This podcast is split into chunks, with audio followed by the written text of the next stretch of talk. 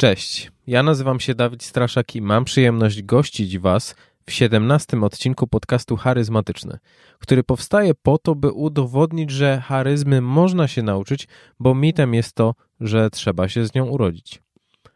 A gościem dzisiejszego odcinka jest Igor Mróz, z którym będę rozmawiał na temat bullshitów zarządzania. E, przygotowaliśmy sobie listy cytatów z mediów społecznościowych, które poddamy krytyce. A razem z Igorem będziemy szukać odpowiedzi na takie pytania jak czy ludzie są najważniejsi? Czy lepszy jest e, szef czy lider? Czy firma może być całkowicie zgodna z e, modną praktyką, jak na przykład turkusowe przedsiębiorstwa czy agile?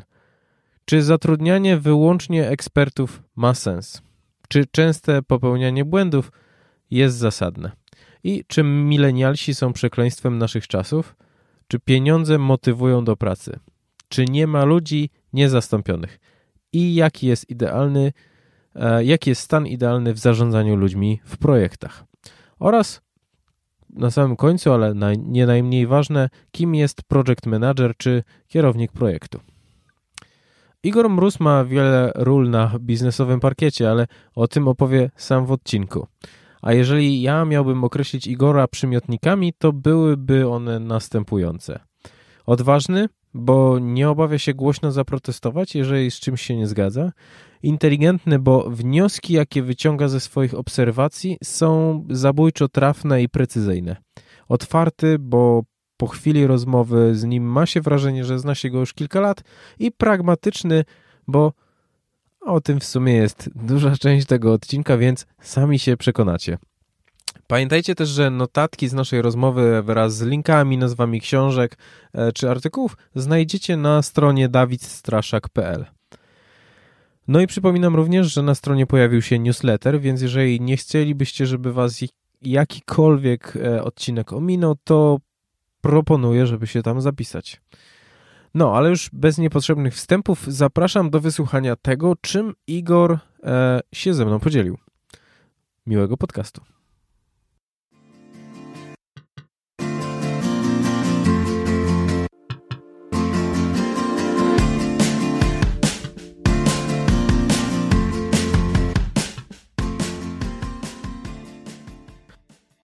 Cześć Igor, witam cię serdecznie w podcaście Cześć Dawid. Dziękuję bardzo, że, że przyjąłeś e, zaproszenie, zwłaszcza, że musiałeś pokonać kawał drogi, żeby... żeby Do swojego tutaj... rodzinnego Wrocławia.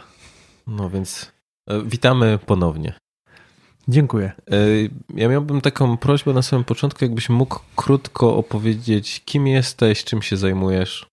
Mm, nazywam się Igor Mróz. Jak już tutaj słuchacze mogli się zorientować, urodziłem się w Wrocławiu, ale tu od 12 lat nie mieszkam.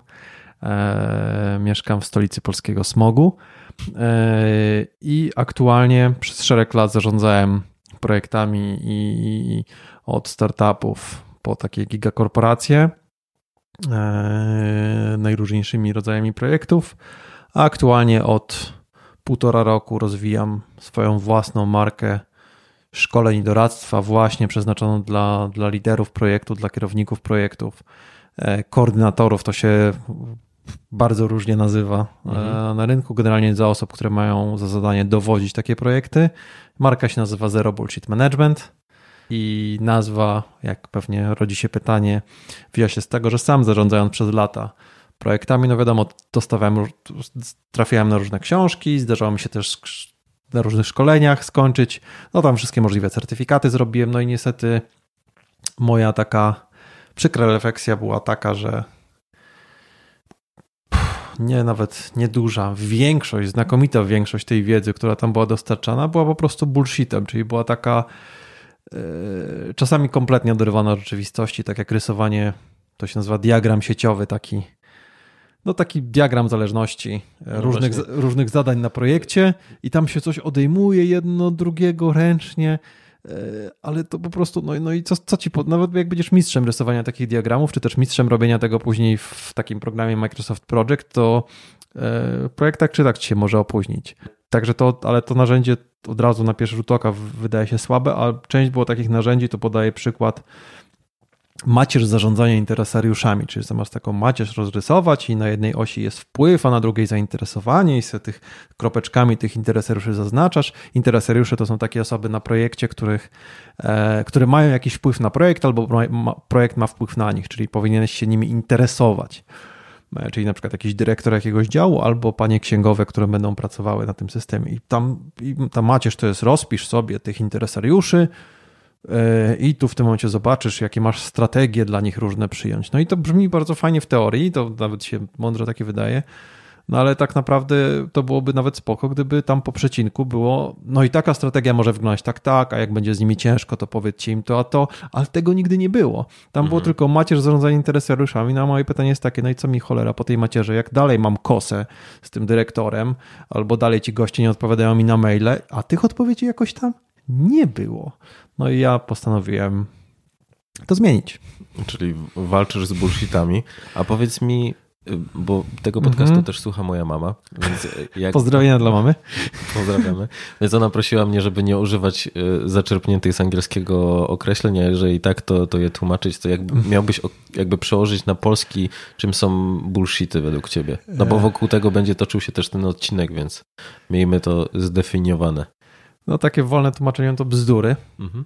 Po prostu bzdury, a gdyby to rozwinąć, to, takie rzeczy, które no tak jak w sumie przed chwilą powiedziałem, czasem na pierwszy rzut oka od razu już wiemy, że są bzdurami, ale czasami te gorsze bullshity, które, których ja najbardziej nie lubię, to są takie, które się wydają e, fajne, wydają się e, mądrze brzmieć, na przykład trener jest ładnie ubrany, to mówi takie mądre słowa, a później w praktyce to, to się nie przekłada na nic, czyli bzdury, rzeczy niepraktyczne, Okej, okay. czyli stawiasz na taki pragmatyzm i możliwość zastosowania mm, tego, czego człowiek dowiaduje się na, na, na szkoleniu, mm -hmm. od razu w, mm -hmm. w, realnej pracy. Dokładnie tak. Zresztą nie tylko na szkoleniu, ja też doradzam firmom i tu taki przykład bardzo prosty. Ja mam takie ulubione pytanie, po co? Mm -hmm.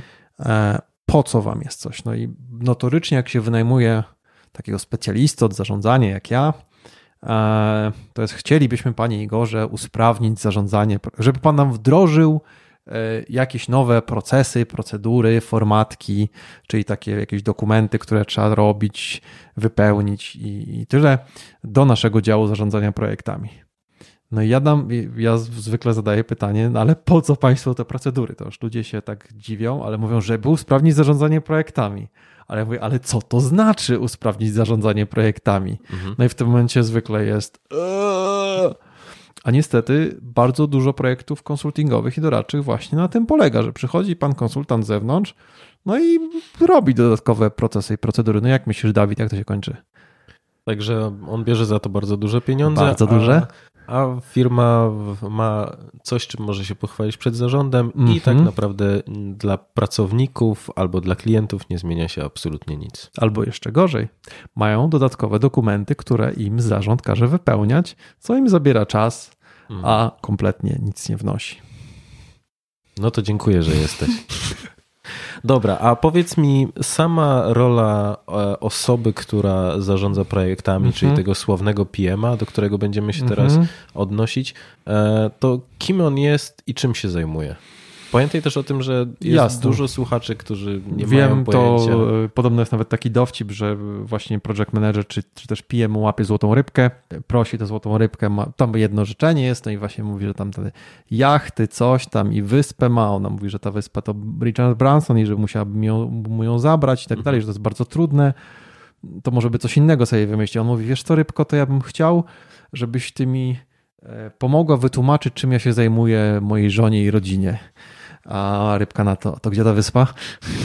I to mniej więcej jest tak, bo project manager to jest taka, czy kierownik projektu po polsku, jest taka osoba, która e, odpowiada za e, dostarczenie, za realizację jakiegoś, jakiegoś przedsięwzięcia, które jest zwane, e, które się nazywa projektem. Projekt odróżnia się od takiej zwykłej, codziennej pracy operacyjnej, tak zwanej, tym, że, to są, że są to jakieś nietypowe, jednorazowe, trudniejsze przedsięwzięcie. Czyli na przykład, nie wiem, twoja firma produkuje kosmetyki, jakieś tam ma trzy linie, ale nagle, i, i to są na przykład, nie wiem, perfumy i kremy do rąk, i nagle postanawia wejść w rynek dezodorantów to, to nie jest takie proste. To trzeba zebrać osobny zespół, który, nie wiem, zrobi badania rynku, jakieś tam różne rzeczy ogarnie. To jest projekt, to nie jest ich typowa praca, w której oni są wprawieni i, i tyle. No i oczywiście wiadomo, że żeby zrealizować taki projekt, to jakaś tam wiedza dziedzinowa, czyli no nie można być totalnym e, ignorantem, chociaż tu jest bardzo duża dyskusja, czy trzeba się znać na tym, czy nie trzeba się znać, nie chcę w nią wchodzić,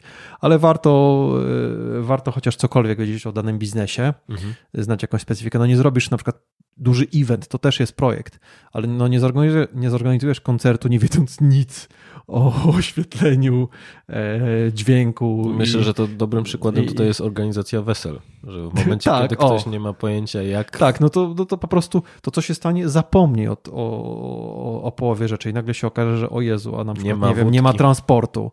Tam o wódce to wszyscy pomyślą, nie? Ale są takie rzeczy właśnie, takie niuansiki, nie? Typu jakiś e, transport, czy jakaś kanciapa dla fotografa, czy dla orkiestry mhm. i, i najróżniejsze tego typu rzeczy, które tylko wprawione osoby e, już będą wiedziały. Natomiast wracając do, do tej roli kierownika projektu, to niezależnie od tego, w jakiej branży się działa, to jest jednak e, pewien wspólny zestaw Y, umiejętności, wspólny zestaw narzędzi, wspólny zestaw cech, które trzeba, warto by było posiadać, żeby taki projekt faktycznie efektywnie zrobić. Czyli na przykład jak, kogo dobrać do zespołu, jak, tym, jak z tym zespołem się dogadywać, tak żeby to nie było jedną wielką kłótnią, albo żeby nie było każdego trzeba co chwilę kontrolować, sprawdzać i tyle. Jak zorganizować komunikację w projekcie. To jest bardzo ważny współcześnie problem, bo jeśli ja mówię swoim kursantom czy, czy ludziom, którym doradzam, mówię tak, teraz mamy za łatwo, żeby się komunikować. Każdy ma e, obok smartfona, na którym ma różne komunikatory, maila i tak dalej. No i kończy się to tak, że każdy się komunikuje bardzo dużo, tylko no niekoniecznie coś z tego wynika. I jeśli tego w jakiś sposób w takim projekcie, na przykład masz, nie wiem, 10 osób w zespole, i to jest projekt, czyli jest dość dużo różnych niuansów, codziennie wychodzi i tak dalej. No i jak Dawidowi odpowiada mailem, to Dawid będzie wysyłał nam dziennie 70 maili. Jak komuś tam odpowiada takim narzędziem jak Slack, to będzie robił, będzie tam ciągle pisał. Inny w jakimś innym narzędziu, inny w innym. I jeśli wy tego nie ogarniecie, nie, wie, nie będziecie wiedzieć, jak to zrobić, to powstanie takie typowe, jak sytuacja, jak jest w wielu projektach, czyli tej komunikacji jest strasznie dużo, można by nic tylko siedzieć, czytać maile, wiadomości, a tak czy tak dalej nie wiadomo to e, tego, co jest tak naprawdę najważniejsze. Dalej się dowiadujemy, jest takie wrażenie, że się dowiadujemy ostatnio. No i tych umiejętności dobrego kierownika projektu, no, to, no i oczywiście jak zaplanować projekt, nie? Mhm. Skąd wiedzieć, ile to tak naprawdę mniej więcej chociaż potrwa i ile tych ludzi mniej więcej chociaż do tego potrzebujemy. Więc jest x takich e, umiejętności, które taka osoba powinna, e, powinna posiadać. No i, ona odpowiada, on, i ona odpowiada de facto za dostarczenie projektu zgodnie z ustalonym planem. To też to nie jest podcast przeznaczony dla kierowników projektu, ale bardzo lubię to e, rozróżniać, bo też często jest ten problem, że kierownik projektu jest uznawany, że on odpowiada za sukces projektu. No i nie do końca, bo kto, za sukces projektu. A powiedz mi, gdzie się kończy tak naprawdę ta rola? Czy w momencie, kiedy ty dostarczasz gotowy projekt, czyli może odnieśmy się mhm. do tego wesela, bo no. będzie najłatwiej się wszystkim odnieść do tego. O, super. Ty planujesz, w jaki sposób to będzie y, wyglądało i w dzień przed weselem mówisz, ok, ja zaplanowałem, zorganizowałem Nie, to, to wiesz, zależy jak się umówisz, natomiast ja bym w przypadku wesela, to bym sobie wyobrażał, że jesteś też na weselu i to wszystko I koordynujesz. Też, okay. Natomiast to, czy ciocia była zadowolona, czy wszystkim się podobało i tak dalej, to już odpowiada w przypadku takiego komercyjnego projektu, to się nazywa sponsor. No w tym przypadku ktokolwiek, kto cię wydają, nie wiem, ojciec panny młodej, mhm. albo to ktoś taki, bo to ty z nim uzgadniasz te, uzgodniłeś z nim menu, uzgodniłeś z nim muzykę i tak dalej.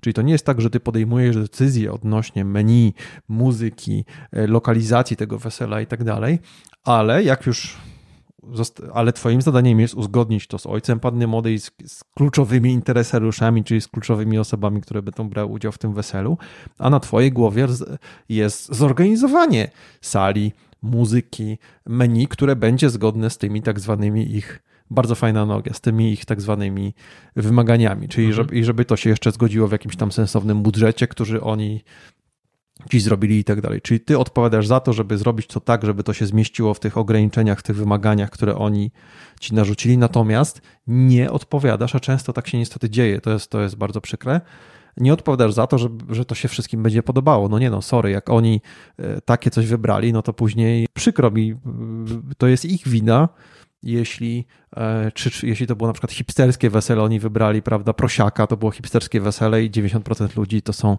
bezglutenowi weganie, no i... Nikt tego nie zje. I nikt tego nie zje. Mhm. Chyba tylko jabłko z ust tego prosiaka.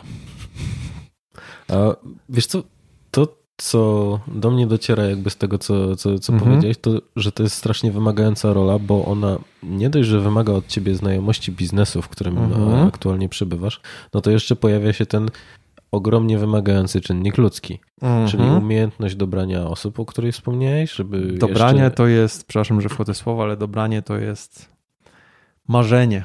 Okay. W większości firm po prostu, tym, po prostu to jest taki kierownik bez władzy trochę, ten kierownik projektu, mhm. więc ci ludzie już tam są w tej firmie i ty dostajesz najczęściej tych, którzy akurat są wolni albo są, którzy są najmniej zawaleni i tak dalej, więc najczęściej to jest też e, kwestia radzenia sobie z tym, z tym, mówiąc brzydko, co masz.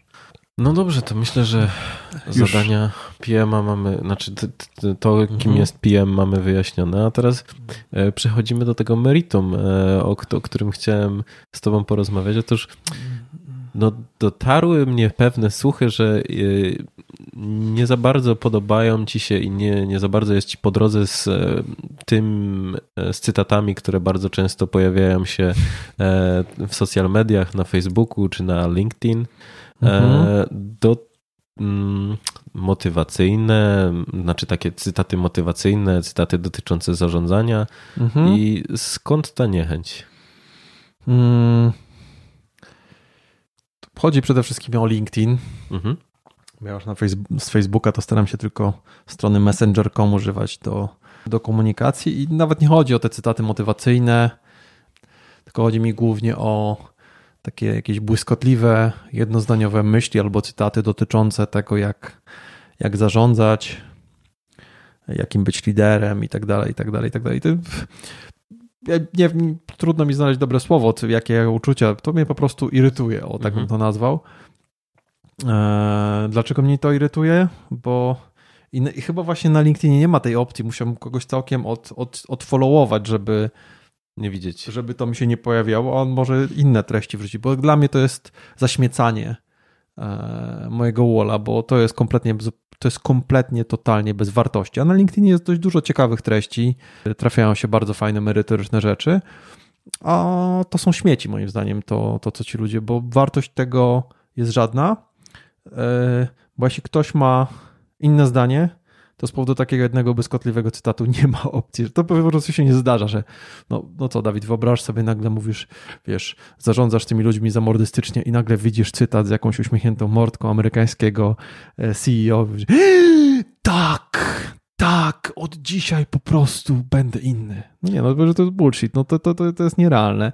E, co więcej, też na skutek ja bardzo lubię i znaczy bardzo mnie interesuje ten temat i dość, dość mocno o tym wspominam, jak z ludźmi pracuję, mhm. o tak zwanych błędach poznawczych, czyli z angielska cognitive biases, czyli takich mechanizmach funkcjonowania naszego mózgu, kiedy nasz mózg e, z powodów różnych, ewolucyjnych najczęściej, tak, bo jesteśmy ciągle jeszcze, znaczy ciągle jeszcze, no jesteśmy zwierzątkami i mamy te różne dziwne mechanizmy, nie zawsze podejmuje e, racjonalne decyzje, nie zawsze coś ocenia, to już chciałem powiedzieć, nie zawsze coś ocenia obiektywnie, to już abstrahuję od tego, że nie ma czegoś, czegoś takiego jak obiektywizm, ale generalnie, że my pewnych wielu rzeczy nie, nie oceniamy racjonalnie, nie podejmujemy racjonalnych decyzji i tyle. I tu na przykład wchodzi, jak widzisz sobie takie cytaty, czy takie myśli, to wchodzi tak zwany efekt potwierdzenia, na przykład confirmation bias, no i to dla tych, dla tych, dla tych e, słuchaczy, którzy nigdy nie słyszeli, to jest taki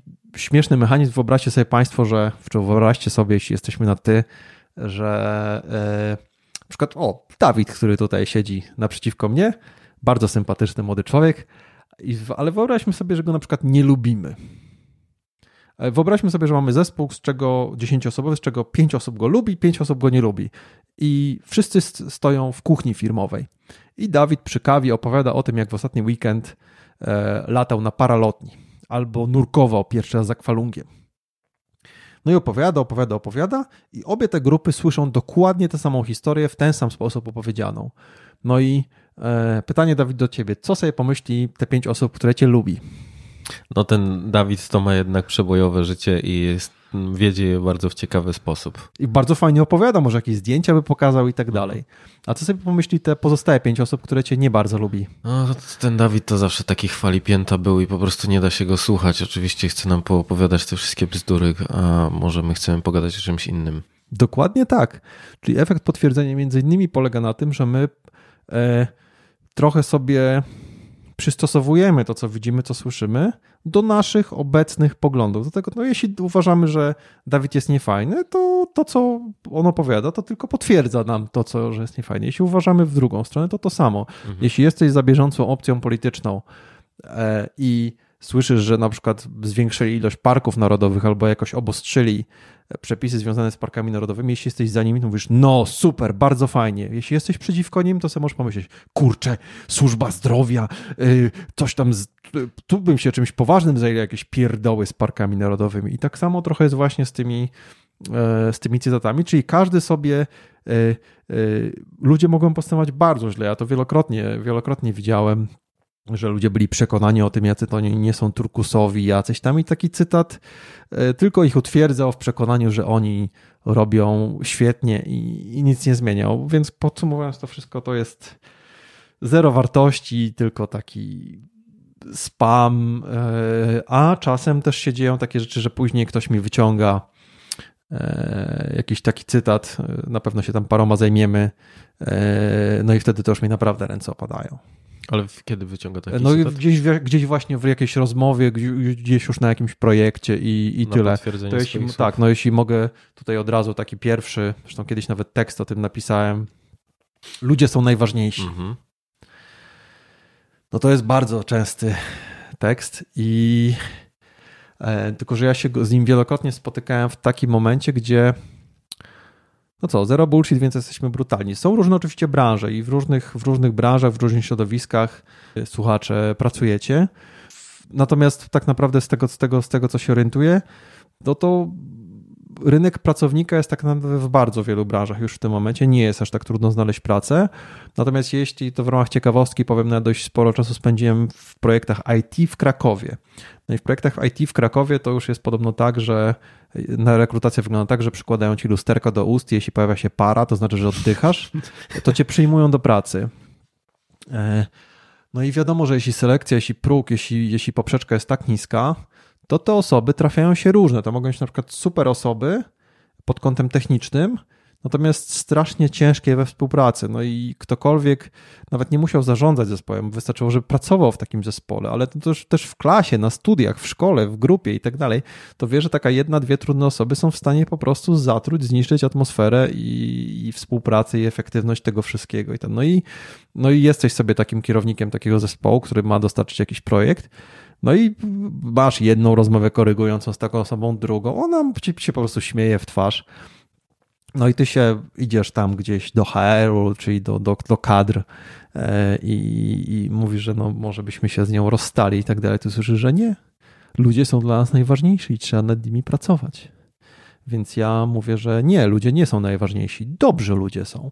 I właściwie tym mogę sk- skonkludować. No to, to, to taki, taki pierwszy, pierwszy przykład. Czyli ja jestem jak najbardziej za tym, że, że, że, że, że przywództwo partycypacyjne, czyli razem współrządzimy tym projektem, e, rozwijamy ludzi, dbamy o nich i tak dalej, i tak dalej, i tak dalej. Tylko, że no to jest trochę jak, jak z szacunkiem, że trochę trzeba sobie na niego e, zasłużyć. Kiedyś miałem taki okres, się obczytałem różnych książek e, pozytywno-buddyjsko i, i, tak dalej, i tak dalej, i tak dalej, że wszystkich kochać.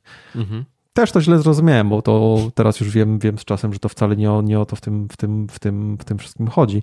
Natomiast wtedy ta, to było takie pierwsze zachłyśnięcie się i, i, i próbowałem wszystkich kochać, ale w pewnym momencie się zorientowałem, że jak sobie jadę rowerem po Krakowie i pan taksówkarz mnie spycha gdzieś tam, to nie mogę go kochać, bo to po prostu byłoby głupie, byłoby głupie, więc trzeba kochać tych, których, którzy się dają kochać. Mhm.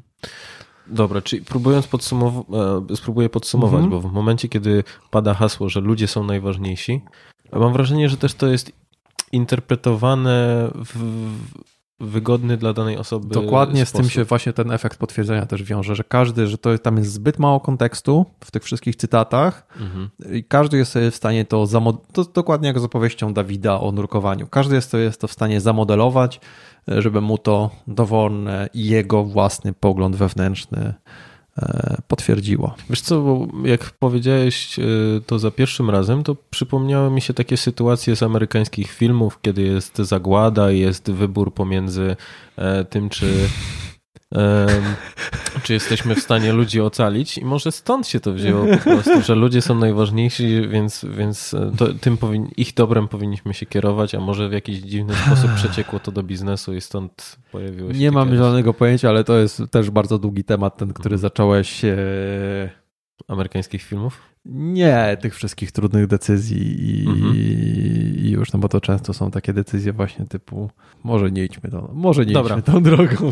Dobra, yy, to co, kolejny, kolejny bullshit to takie obrazki, które bardzo często pojawiają mhm. się teraz y, w internecie i mamy z jednej strony podpisaną e, postać lidera, a drugiego jako szefa.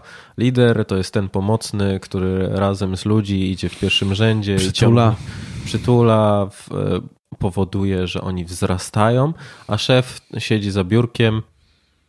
Tym się też zaraz możemy zająć. Tam wisi cytat jakiś, znaczy nie, to nie jest cytat, wisi jakieś hasło u Dawida na półce. No to y, za, zaraz, zaraz się tym zajmiemy. No wracając do. Y, I z jednej strony mamy y, lidera, z drugiej mamy szefa, który jest mm, jakby takim negatywnym obrazem, mhm. wyzyskiwaczem, mhm. bardzo dyrektywnym względem tego, jak traktuje mhm. pracowników. I on żąda, siedzi za biurkiem i bierze za to o wiele za duże pieniądze. Mhm. No tak, jest to bullshit, bo rzeczywistość nie jest aż taka prosta. Jestem i, i, i tak pracuję z ludźmi, którzy trafiają pod moje skrzydła, i tak bym chciał, żeby oni mieli w sobie jak najwięcej z tego lidera. Natomiast to, czyli z tej osoby, która pozwala ludziom współdecydować, wręcz tego chce, e, tam ich motywuje, nastraja, energetyzuje i tyle. Natomiast e, też sobie rozmawiamy o tym i mówimy sobie wprost, że to E, nie zawsze jest, nie zawsze w ogóle ma szansę zadziałać. Mhm. To bardzo dużo zależy od zespołu. Jeśli no, pracowałem kiedyś z takimi ludźmi, z, którzy w Polsce jest bardzo dużo e, firm e, z branży automotive, tak zwanych back-office'owych. Back-office'owe branże to się słuchacze rozwiną. To, jest, to są takie branże, które robią rzeczy, z których później na przykład taki Opel czy ktoś tam składa finalnie, mhm. E, fina, finalnie swój samochód I, i, czasami to się okazuje, że 90% tych części czy tego wszystkiego to jest w ogóle produkowane przez e, różne inne firmy. W każdym razie oni, jak z nimi rozmawiałem o, tym, o tych różnych rodzajach szef, lider, przywódca i tyle, no to mówię mu jasne, no jak są projektanci w biurze i tak dalej, no to z nimi tak można, natomiast no e, stary, no, z ludźmi tam z linii produkcyjnej, no sorry, nie. Mhm. I ja też nie chcę tutaj patrzeć z góry, bo są, są ludzie z linii produkcyjnej i są ludzie z linii produkcyjnej. No, są, są, są, są też różne firmy,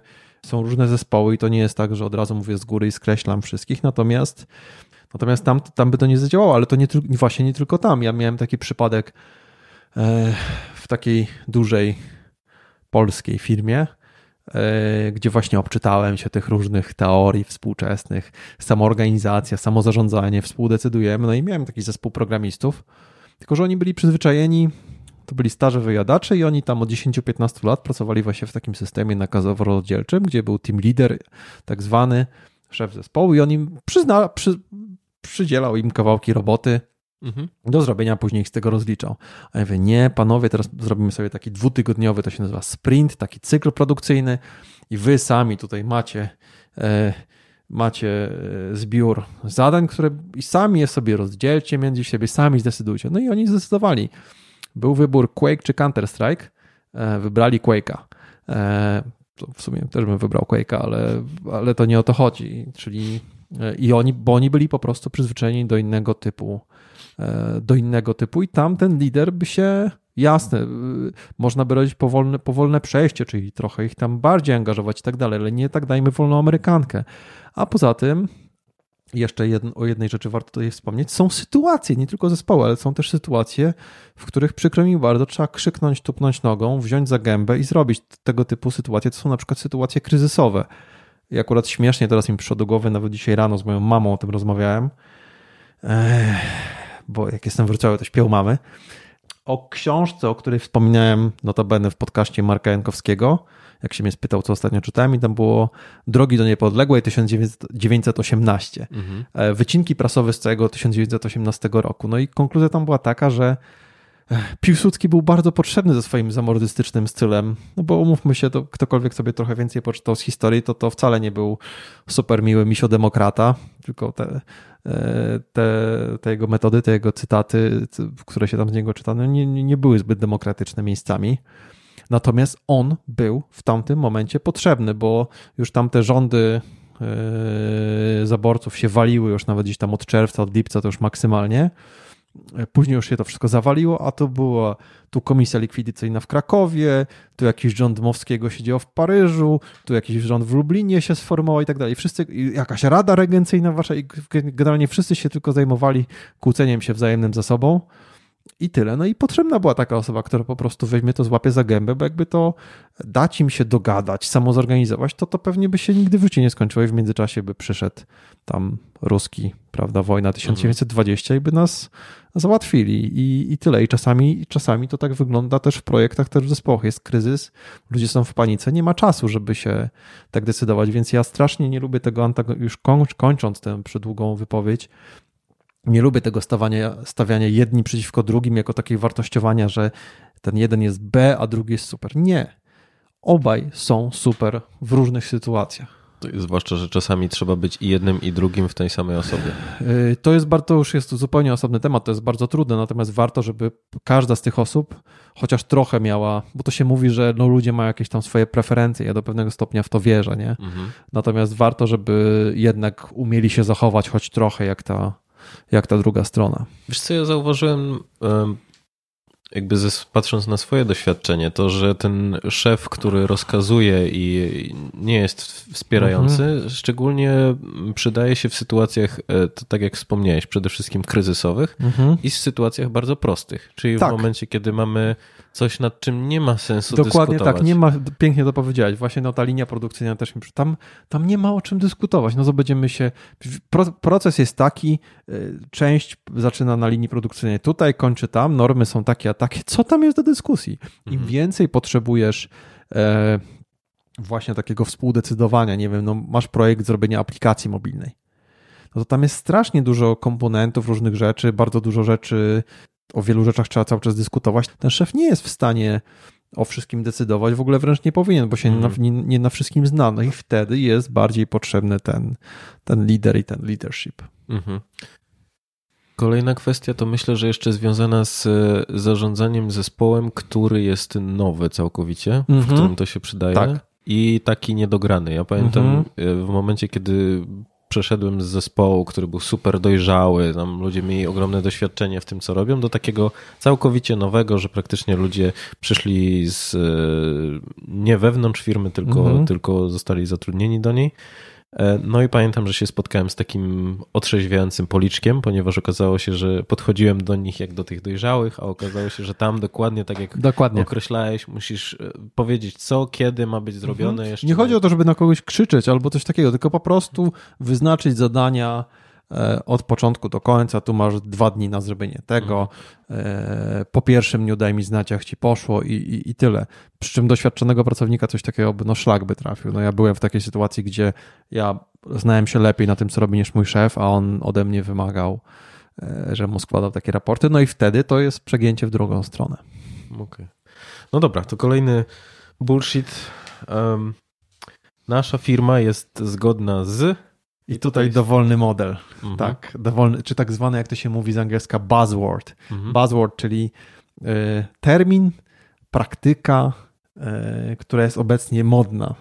Nie wiem, DevOps, Scrum, Agile, turkusowe organizacje, cokolwiek. E, termin nasza firma jest zgodna z, czy najczęściej jeszcze całkowicie zgodna, albo totalnie, no od razu implikuje, że albo nie wiedzą, co mówią, albo kłamią. Generalnie okay. są, są generalnie, czy też ściemniają. Nie chcę tutaj też aż takich ciężkich słów, bo wszystkie te a, modne metody, systemy zarządzania, sposoby podchodzenia do, do spraw czy do biznesu, e, no to są trochę tak jak nauka, taki stan laboratoryjny nieczysty, to są, to są, to są jakieś teorie, więc yy, no każdy, kto cokolwiek, i to nie znaczy, że one są głupie, tylko to jest tak, że no właśnie stąd ten mój pragmatyzm, że to po prostu trzeba wziąć i trochę coś tam zmienić, dostosować, tak żeby to w ogóle miało szansę chwycić i zadziałać, więc no praktycznie nie występują firmy, które są a jeśli tak, to zaraz, zaraz oczywiście ktoś na mi napisze w komentarzu pod tym, że tak, wtedy tam, tu coś tam i jakoś zupełnie przypadkiem to są e, firmy, e, te same firmy, które są po prostu od lat trzy na krzyż poka pokazywane, nie wiem, Zapos, e, Southwest Airlines, e, w Polsce to co Marco e, pokażą i tak właściwie te przykłady się te przykłady się kończą, zresztą to często są bardzo powierzchowne przykłady, jakby tam wejść trochę, trochę w szczegóły, to nagle się okaże, że nie do końca wszystko jest e, takie piękne, e, takie piękne się jak się wydaje, więc reasumując, e, takie fajne praktyki, takie, często takie modne praktyki są super, ale nie da się ich wdrożyć w 100% albo w 99,999 przypadkach, przypadków nie da się ich wdrożyć w 100%, bo to po prostu jest utopia i no, tak jak komunizm wziąć by to była bardzo fajna teoria. Tak, no to, to też jak mogę powiedzieć coś kontrowersyjnego, no ja dość, dość sporo staram się czytać, to nie jest tak, że oni chcieli wymyślić system, który faktycznie zrobi ludziom źle i w ogóle wszystkich unieszczęśliwi. Nie, no to, to, to powstawało, też ludzie często zapominają o tym, że to powstawało w takich czasach, gdzie robotnicy mają przerąbane. Proszę sobie przeczytać taką książkę jak na przykład Germinal Emila Zoli, o, która się dzieje w środowisku górników we Francji pod koniec XIX wieku, gdzie ludzie literalnie na czworakach przy lampie kopali węgiel po 12 godzin dziennie i dorośli kopali węgiel, a jednocześnie dzieci pracowały tam, bo dzieci były mniejsze, bardziej zwinne, to dzieci zajmowały się wywożeniem tego węgla. To powstawało w takich czasach. No i ci ludzie chcieli wymyślić system, który trochę bardziej rozdystrybuuje te dobra, no bo z drugiej strony tamci goście, co im ten węgiel zlecali kopanie, to po prostu mieli 18 pałacy i e, zapraszam, srali pieniędzmi, więc mhm. E, Natomiast no, wymyślili coś teoretycznego, a później przy wdrożeniu no, wiemy, co się stało. Dobra, czyli mówisz, żeby podchodzić do tego bardziej jako do narzędzia, aniżeli do takiego. Do filozofii, do, tak, mhm. do Ewangelii, bo bardzo często są właśnie jacyś tacy ewangeliści dla tych ze słuchaczy, którzy na przykład wiedzą, co to jest Scrum, taki system e, wytwarzania e, produktów w sposób, jak to się mówi, zwinny, czyli żeby cały czas się dostosować do rzeczywistości, to tam, to tam jest e, taka zasada, że zespół się powinien codziennie spotkać na tak zwanym daily scrum, czyli na takim codziennym 15-minutowym spotkaniu, żeby się wymienić informacjami. I to jest po prostu święte i każdy taki ortodoks ci powie, że zespół się musi codziennie spotkać na te 15 minut. A ile Tylko, takie zespoły mają osób? w skramie teoretycznie tam od ilu? Od trzech do. O, poczułem się wywany chyba od trzech do siedmiu osób. Nie wiem, czy mi certyfikat nie, nie, no, nie wygaśnie, mi... jeśli się, jeśli się nie, nie pomyliłem. Chodzi mi po prostu, mhm, czego tak. się spodziewać. Natom, grupy, natomiast no. właśnie, właśnie często ludzie o tym zapominają, ci, ci ewangeliści. No i tam, tam jest nawet to założenie z tyłu głowy, że te osoby będą dedykowane na 100%, a bardzo często w różnych firmach takie osoby są gdzieś powyciągane. Na przykład pracują w trzech, czterech projektach naraz. No i moje pytanie brzmi tak, a jeśli moi drodzy, e, na przykład w waszym projekcie ludzie pracują w trzech projektach naraz, czyli w tym waszym, w tym konkretnym jednym są tylko tam na te 30% przysłowiowe, czyli powiedzmy, nie wiem, na półtora dnia, dwa dni, mhm. to też im zrobicie codziennie spotkanie, które się jeszcze być może przedłuży. Po pierwsze, to będzie dla nich strata czasu, bo to zżera o wiele większy, zżera bardzo duży kawałek tego czasu, który dla was mogą przeznaczyć, a po drugie, bardzo często nie będą mieli wam co powiedzieć. Czyli... na tym spotkaniu. Więc ja nie mówię, że to jest głupia jest sama taka idea spotkania synchronizacyjnego, ale w takiej sytuacji można by je na przykład zrobić co dwa dni i znowu ewangelista ci powie, no nie, bo tak nie można, oni powinni być na 100% dedykowani. No i moja odpowiedź jest taka, stary, to idź i zrób taką firmę. Bo niestety przykro mi, ale w wielu firmach jest taka rzeczywistość. No to ja wolę, wolę, yy, wolę zrobić jakąś taką yy, w paru rzeczach yy, trochę odpuścić tej ortodoksji, ale spróbować pchnąć ją w dobrym kierunku, no bo alternatywa jest taka, to po prostu się nie da, dopóki nie zmienicie swojego podejścia. No to jest, no idiotyczne. Mhm. Tutaj przypomina mi się jakiś komiks Dilberta, mhm. w, który nabija się z korporacji, gdzie pojawia się stwierdzenie, że mamy strasznie dużo pracy, więc teraz musimy zacząć e, monitorować to, jak nam idzie. No i oczywiście Dilbert pyta, czyli będziemy e, tworzyć kolejny raport, który będzie pokazywał nam, jak e, dużo pracy mamy? Tak. Tak, dokładnie więc... tak.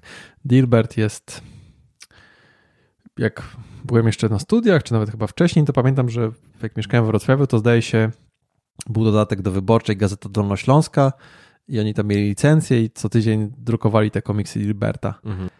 No i to był taki śmieszny komiks, no ha, ha, ha, tam sobie przeczytałem i tak dalej. I później e, skończyłem studia, przeprowadziłem się do Krakowa, zacząłem pracować dla korporacji i pamiętam jak wróciłem kiedyś do domu, przyjechałem, zajrzałem na te Dilberty i wtedy ja się nie śmiałem, ja zapłakałem, bo to mm. po mhm. prostu było tak prawdziwe, że, że, że aż bolało. Samo życie. No. no dobra, a powiedz mi, i jakie jest rozwiązanie, żeby nie ulegać właśnie takim, takiej filozofii? Jak radziłbyś podchodzić do e, wykorzystywania tych podejść w firmie, żeby one nie mhm. były takim pustym hasłem? Ło, to jest temat na osobny. E, to jest temat na osobny podcast. Jak żeby nie. Tru, trudno, tru, trudno. No dobrze, będzie autoreklama. Generalnie poszukać gości w, w podobnych do mnie, którzy. Mhm. Ja nie jestem jedyną osobą, na świecie i z takim podejściem i z doświadczeniem, na przykład w, w, różnych, w różnych obszarach zarządzania. Też się nie znam na wszystkim, nie, nie zoptymalizował. Mam pojęcie o optymalizacji procesów, czyli że ja, ja jestem specjalistą projektów, ale są też procesy, czyli na przykład, nie wiem, macie obsługę klienta, naprawienie awarii, produkcję, różnych takich rzeczy. Ja trochę o tym wiem, nawet dość sporo, ale nie, nie, nie bałem się za specjalistów, więc są specjaliści z różnych dziedzin i po prostu sobie wziąć taką osobę, gdzieś wynaleźć, Akurat teraz w świecie internetu, content marketingu widać, kto pisze jakieś ciekawe rzeczy, czy wy się z tym zgadzacie i tak dalej. I wziąć sobie taką osobę, która wam to y, trochę pomoże mhm. y, wdrożyć. Jeśli was na to nie stać, to też się może tak zdarzyć, to y, wizyty na konferencjach, tak zwanych meetupach różnych, gdzie w kuluarach w Polsce się nie networkuje, czyli ludzie bardzo słabo do siebie podchodzą i gadają z obcymi osobami na konferencjach i na meetupach. E, co ja zawsze najróżniejsze słabe rzeczy lubię przekuwać na zalety. Zaletą czegoś takiego jest to, że nawet często gęsto na dużej konferencji jesteście w stanie podejść do jakiejś mega znanej i rozchwytywanej osoby i naprawdę ukraść ją gdzieś na jakąś kawę, jeśli zainteresujecie ją swoim problemem za friko na pół godziny i tyle. I mhm. przez te pół godziny jeszcze jak będziecie bezczelni, ja nie wiem, czy mi się pytał, po prostu bym sobie nagrał na własny użytek takie coś. Na własny, na własny użytek, nie żeby nie, nie, nie, nie żeby nie ten, to, ma, to, macie, odpowiedź, to macie parę fajnych odpowiedzi na, na parę pytań i, mm i, e, i tyle. Natomiast no, to, to, co bym powiedział, żeby tego nie robić, to nie wdrażać na podstawie rysunku z LinkedIna, e, na podstawie jakiegoś artykułu, jednego, dwóch i, i tyle. Ja wdrażałem Scrama kiedyś na podstawie trzech artykułów i Scrum Guide'a tak zwanego, czyli takiego tam kilkunastostronicowego podręcznika w PDF-ie, który jest gdzieś był opublikowany. No, był to pierwszy krok, jasne, pchnęliśmy tę firmę w jakimś tam kierunku, natomiast no tak jak teraz sobie przypominam tam to, co ja wtedy robiłem jako ten Scrum Master, to mam ochotę wejść pod stół i piszczeć jak zrojona foczka. Piękne określenie. Dobra, kolejny. O, o proszę. Nie było, Steve Jobs. Gdyby nie było Steve'a Jobsa, to by nie było podcastu, więc e, Steve Jobs. To bez sensu zatrudniać mądrych ludzi, by potem mówić im, co mają robić. My zatrudniamy mądrych ludzi po to, aby to oni mówili nam, co robić. Wiesz co, tak sobie właściwie pomyślałem, jak to czytaj, że myśmy już pokryli ten temat do pewnego mhm. stopnia. To jest z tym liderem i z tym, z tym szefem, yy, bo to znowu zależy. Nie? Ja się jak najbardziej zgadzam, że nie powinno się mówić superfachowcom, co mają robić. E, z drugiej strony też to nie oznacza, nawet jeśli oni są superfachowcami, to trzeba mieć jakąś wizję i pchnąć w jakimś kierunku, a nie żeby sobie po prostu robili wolną amerykankę i wynajdowali co tylko chcą. Natomiast w przypadku niektórych osób tak, trzeba im powiedzieć, co, E, co masz robić i, i tyle. I przykro mi bardzo. Natomiast no to akurat ten, ten kontekst tego z cytatu Steve'a Jobsa e, to właśnie w takich zespołach, gdzie trzeba ludziom powiedzieć, to czasami słyszałem, że e, ludzie potrafią wyciągnąć ten cytat i powiedzieć, jaki to ty szefie jesteś zły. No ale sorry, ludzie, obsługujecie na przykład, nie wiem, zgłoszenia o błędach od klientów no i są określone procesy, procedury, jak macie zrobić to. No, macie obowiązek, żeby ten klient był zadowolony, nie wiem, dać mu znać, jaki jest postęp rozwiązywania, coś tam się skonsultować i tak dalej. I przykro mi bardzo, ale tam nie ma za bardzo miejsca na kreatywność, wymyślanie czegoś innego i tyle.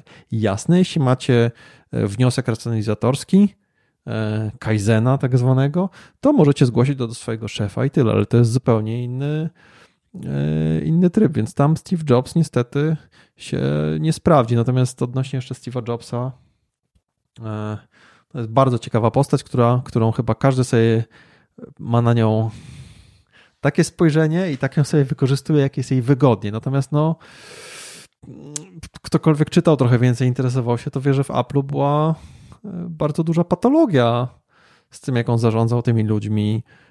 Apple też sobie nie do końca teraz niby, no tak, rośnie na giełdzie, no ale w tym, w tym momencie jest hosta na giełdzie amerykańskiej, to, to, to, to nie do końca. To, że rośnie na giełdzie niekoniecznie znaczy, że jest świetną firmą, ale mhm. no, no każdy, kto się trochę interesuje technologią, przyzna, że tak naprawdę od odejścia Jobsa to Apple nie bardzo ma, no nie powstało nic super rewolucyjnego i tak dalej. Są kolejne modele iPhone'a, które w sumie no, niewiele się różnią od od poprzedników, natomiast sam Jobs, jak zarządzał tymi ludźmi, no to też był niefajny, wrzeszczał na nich, robił różne e, niemiłe rzeczy i, i, tyle, więc też byłbym daleki od traktowania go jako takiego no supermodelu. Czyli widzisz, z jednej strony on sam mówi o tym, żeby być takim liderem, będąc szefem, który wymaga. Dokładnie tak, nie? No właśnie i to, to, to dużo takich e, mm, takie trochę zaprzeczenie, czyli jedno się, jedno się mówi, a co innego się robi. Wiesz co, jak y, odnosząc się trochę do tego, o co ty pytasz, pytasz ludzi na swoich szkoleniach mhm. jako, jako w momencie, kiedy się przedstawiają, czyli za co za co dosta, dostają, za co im płacą. Za co im płacą.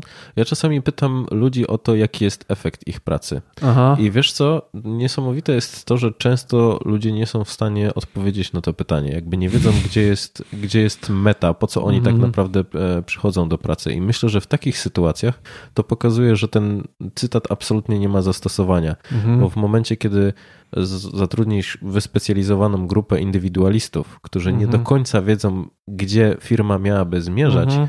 skończy się to no jakby taką anarchią i katastrofą, bo każdy będzie próbował wdrożyć swoje pomysły, mhm. które mają usprawnić co? No i tutaj okazuje się, no że tak naprawdę nie wiadomo.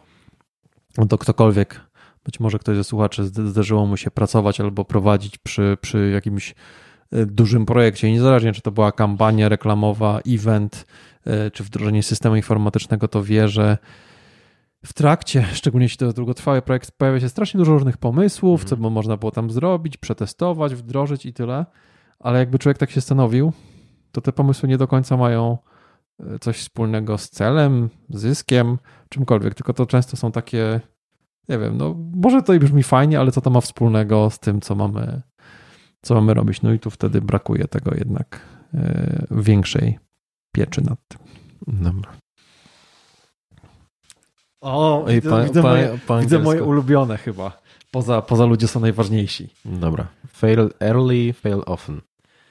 Dokładnie tak. Bardzo mi się Czyli... spodobało, że nie wymówiłeś literki T przy often. E, dziękuję.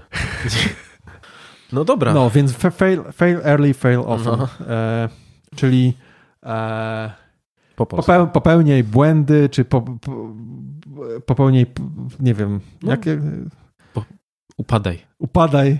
E, ponoś porażkę. O właśnie. Ponoś porażkę często, ponoś, po, e, ponoś porażkę wcześniej, ponoś porażkę często. Mhm.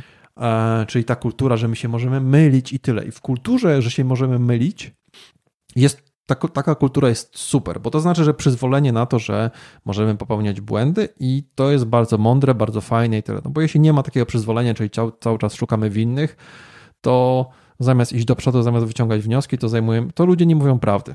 Mhm. Nie? Czyli wszystko jest super, wszystko jest tego, nic się nie dzieje.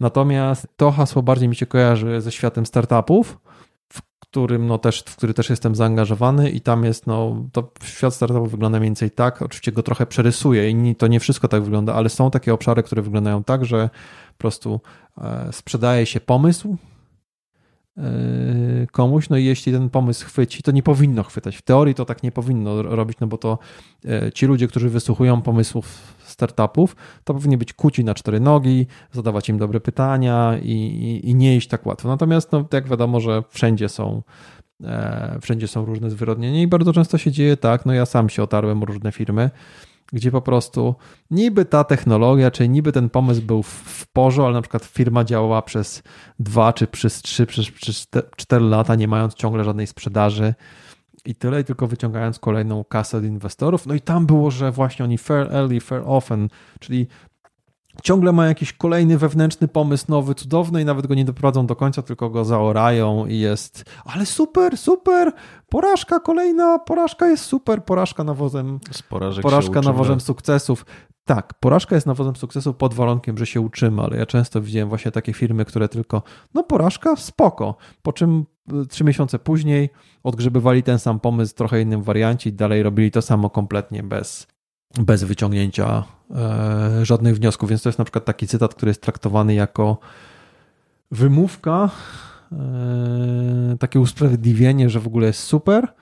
I za, nim, I za tym bardzo wielokrotnie to widziałem, że za tym w ogóle nie szła żadna autorefleksja, tylko na przykład ten sam błąd był powtarzany mhm. trzy miesiące trzy miesiące później. Więc to były takie moje te, te, te, te, pierwsze kilka bullshitów. Ja wiem, że ty jakieś też swoje wypisałeś. Tak, tak. Mam. E, z tym, że moje są dosyć wyjątkowe z tego względu, o. że one są zaczerpnięte z prawdziwego życia. To znaczy, że. Czyli nie z LinkedIna. Tak, z, no, mhm. no, z offline'owego LinkedIna, czyli z korporacji. No, już trochę pracuję w korporacji i też popytałem swoich znajomych, z, e, z jakimi bullshitami się spotykali. No i okazało się, że wcale nie było tak trudno, żeby znaleźć kilka, które, mhm. które się powtarzały. E, więc chciałbym, żebyśmy mhm. przeszli przez to, co, co, co często się poja pojawiało. E, zaczniemy od, od millennialsów i. To, to, to jest temat. To ty który... jesteś millennialsem, tak czy nie? Tak, bo ja nie wiem, gdzie oni się kończą. E, to właśnie też jest tak różnie. Teorie na temat tego, czy jestem X-em, czy Y-em też są. No to powiedzmy, że jestem. Powiedzmy, że jestem. Więc trochę można powiedzieć, że odbieram to Masz osobiście. Masz białe słuchawki, takie jak do iPhone'a widzę na sobie, więc y, jesteś milenialsem. Okej, okay, dobra. No dobra, to, to o mnie w takim razie. Czyli to, co bardzo często się pojawiało, e, to określenie, że z milenialsami się nie da pracować, są absolutnie niewdzięczni, za dużo oczekują i siedzą cały czas w komórkach. No i cóż, co mogę powiedzieć? To wszystko jest prawda. Ja bym wszystkich milenialsów zwolnił i może by się wtedy nauczyli szacunku do, e, do ciężkiej, prawdziwej pracy. A tak zupełnie serio, oczywiście. Już się przestraszyłem, że to naprawdę jest Twoje e, zdanie. A tak zupełnie serio, to temat oczywiście złożony i tradycyjny problem się tutaj pojawia pod tym generalizowania. Mhm. Zresztą no tak jak w tych wszystkich cytatach, nie? Generalizowanie, czyli wylewanie dziecka z kąpielą, bo mm, są milenialsi, którym się chce i którzy robią fajne rzeczy, tak jak na przykład siedzący naprzeciwko mnie Dawid. I nie należy tych ludzi wkładać do jednego worka mhm. z leniami, nierobami, którzy się po prostu zawsze trafiają. I na przykład pierwszą rzeczą, którą chcę powiedzieć, to no już wspominaliśmy wcześniej o tej rekrutacji na lusterko, czyli że ktoś oddycha, to go bierzemy. E, no i to jest często i często właśnie skutkiem tego typu rekrutacji jest też negatywna opinia o, o pracownikach. Jeśli kiedyś było się bardzo trudno dostać do, do jakiejś pracy, bo wszędzie było tak jak na studia 18 kandydatów na jedno miejsce, no to wiadomo, że ta jakość tych kandydatów i poprzeczka i też, nie wiem, presja na nich mhm. sprawiała, że ciężej pracowali. To nie znaczy, że są. Yy, gorsi, lepsi, bardziej leniwi, tyle. Tylko no jest, gdy, gdy ja stawiam tezę, że gdyby wziąć przeciętnego pracownika z lat 90. z firmy, ale dać mu taką opcję, że w momencie, w którym on rzuci papierami w jednej firmie, to 17 rekruterów już będzie go błagało, żeby trafił do, do innej, e, a jak nie, to na każdej żabce dookoła jest oferta pracy i tam też se pójdzie i pewnie jakąś trójeczkę brutto wyciągnie, to, to, to sytuacja wyglądałaby zupełnie inaczej. Także to jest pierwsza rzecz. E, czyli też tu jest za dużo czynników naraz. Ludzie po prostu biorą, nie biorą poprawki na to, na sytuację na rynku pracy jako taką. A po drugie, mi się to bardzo podoba bo to zmusza trochę firmy do ogarnięcia się, a nie mhm. do tak zwanego mushroom management. Nie wiem, czy spotkałeś się z tym określeniem. Nie. You feed them shit and keep them in the dark.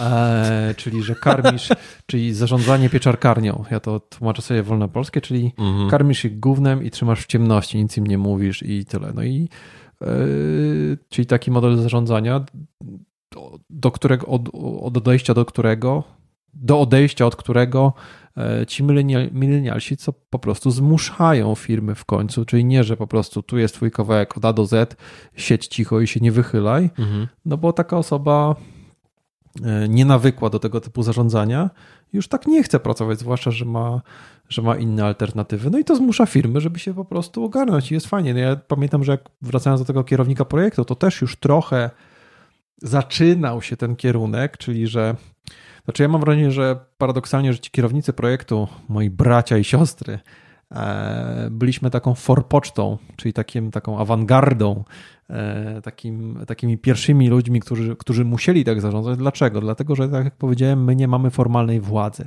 Mhm. Czyli jest sobie na przykład jakiś kierownik działu marketingu, i to jest szef, nie wiem, Ani i Wojtka, ale ja potrzebuję, żeby Ania i Wojtek coś zrobili na moim projekcie.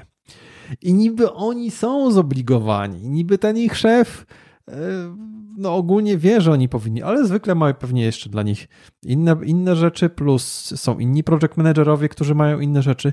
I ja muszę tak, e, tak w, tej, w, tej, w tej swojej roli zawsze musiałem sprawić tak, żeby jednak Tania i Wojtek yy, uważali, że ten mój projekt jest spoko i fajny i że coś, żeby coś dla nich zrobić. I to jest zdrowa i fajna sytuacja, a nie po prostu robisz dlatego, że ci ktoś kazał, wymierzył jakiś, wymierzył jakiś kawałek, bo im bardziej wierzysz w to, e, że to, co robisz jest fajne, że to ma sens, tym lepsze są też tego efekty. No.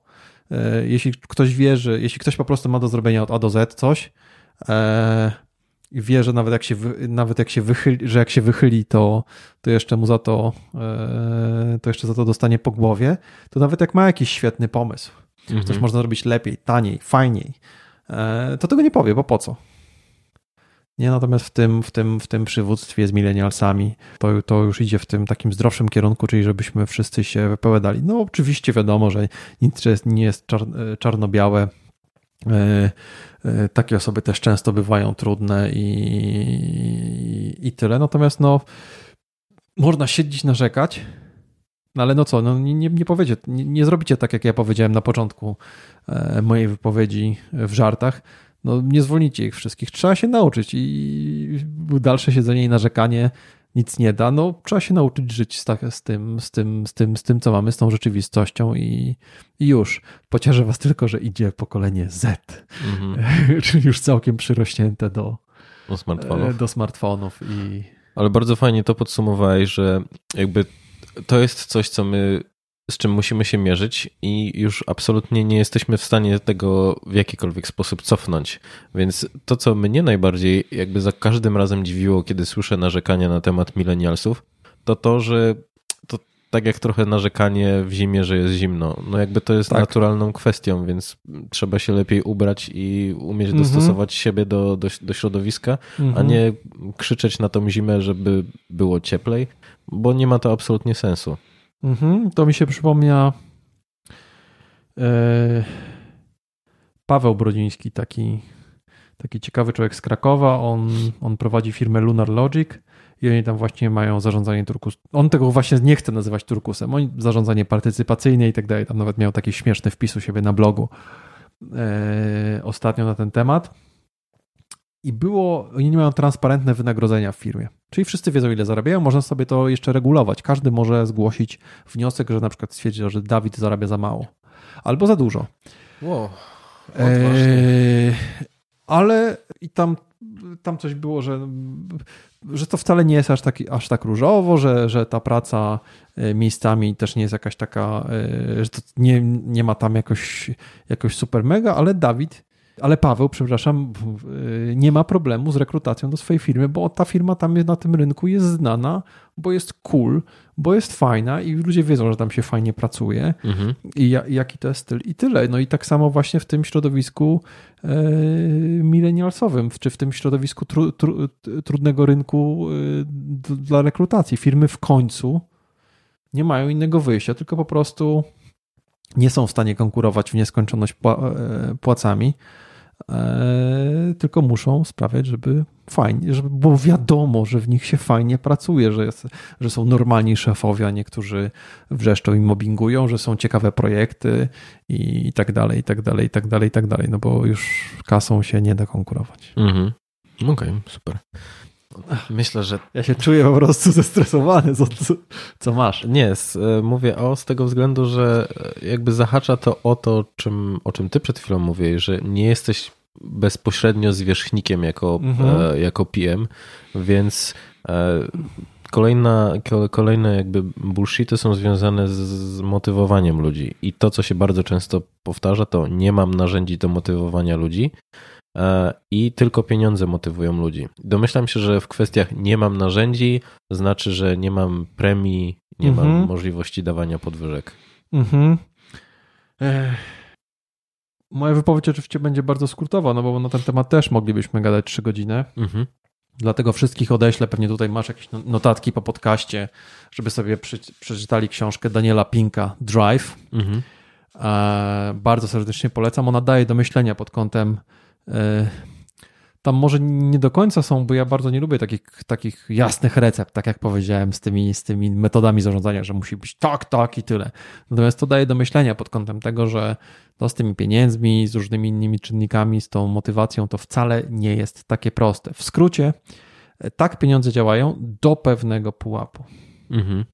No ja sam brutalnie by, byłem, zanim się nie wypaliłem zawodowo i nie skończyłem z wrzodami, różnymi innymi atrakcjami, do tego stopnia, że mimo, że ja kocham zarządzanie, strasznie mnie to interesuje, strasznie mnie to jara, to przez pół roku w ogóle nie mogłem patrzeć ani słyszę, miałem jakąś tam ofertę, no, żeby zostać dyrektorem w jakiejś firmie i tyle, a próbowałem robić biznesy na zasadzie ręcznie szyte fartuchy kuchenne, bycie trenerem personalnym dla członków zarządów firm, bo też się nieźle znam na, e, na fitnessie i na jakieś takie rzeczy. Mhm. Tak, mnie, tak mnie to wypaliło i straciłem wątek, o czym mówiłem.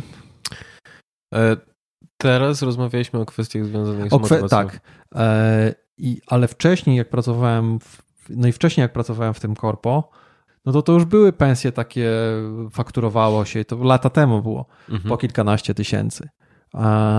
I, I na takim poziomie, szczerze mówiąc, e, pieniądze są ważne, ale to już przestaje mieć takie znaczenie. Gdyby na przykład jest taki duży bank szwajcarski, prywatny e, w Krakowie. Zaczyna się na U. Nie mówię, że wszędzie, natomiast e, nie mówię, że w każdym dziale, natomiast chodzi fama do mnie wielokrotnie z różnych. Ja tam nie pracowałem.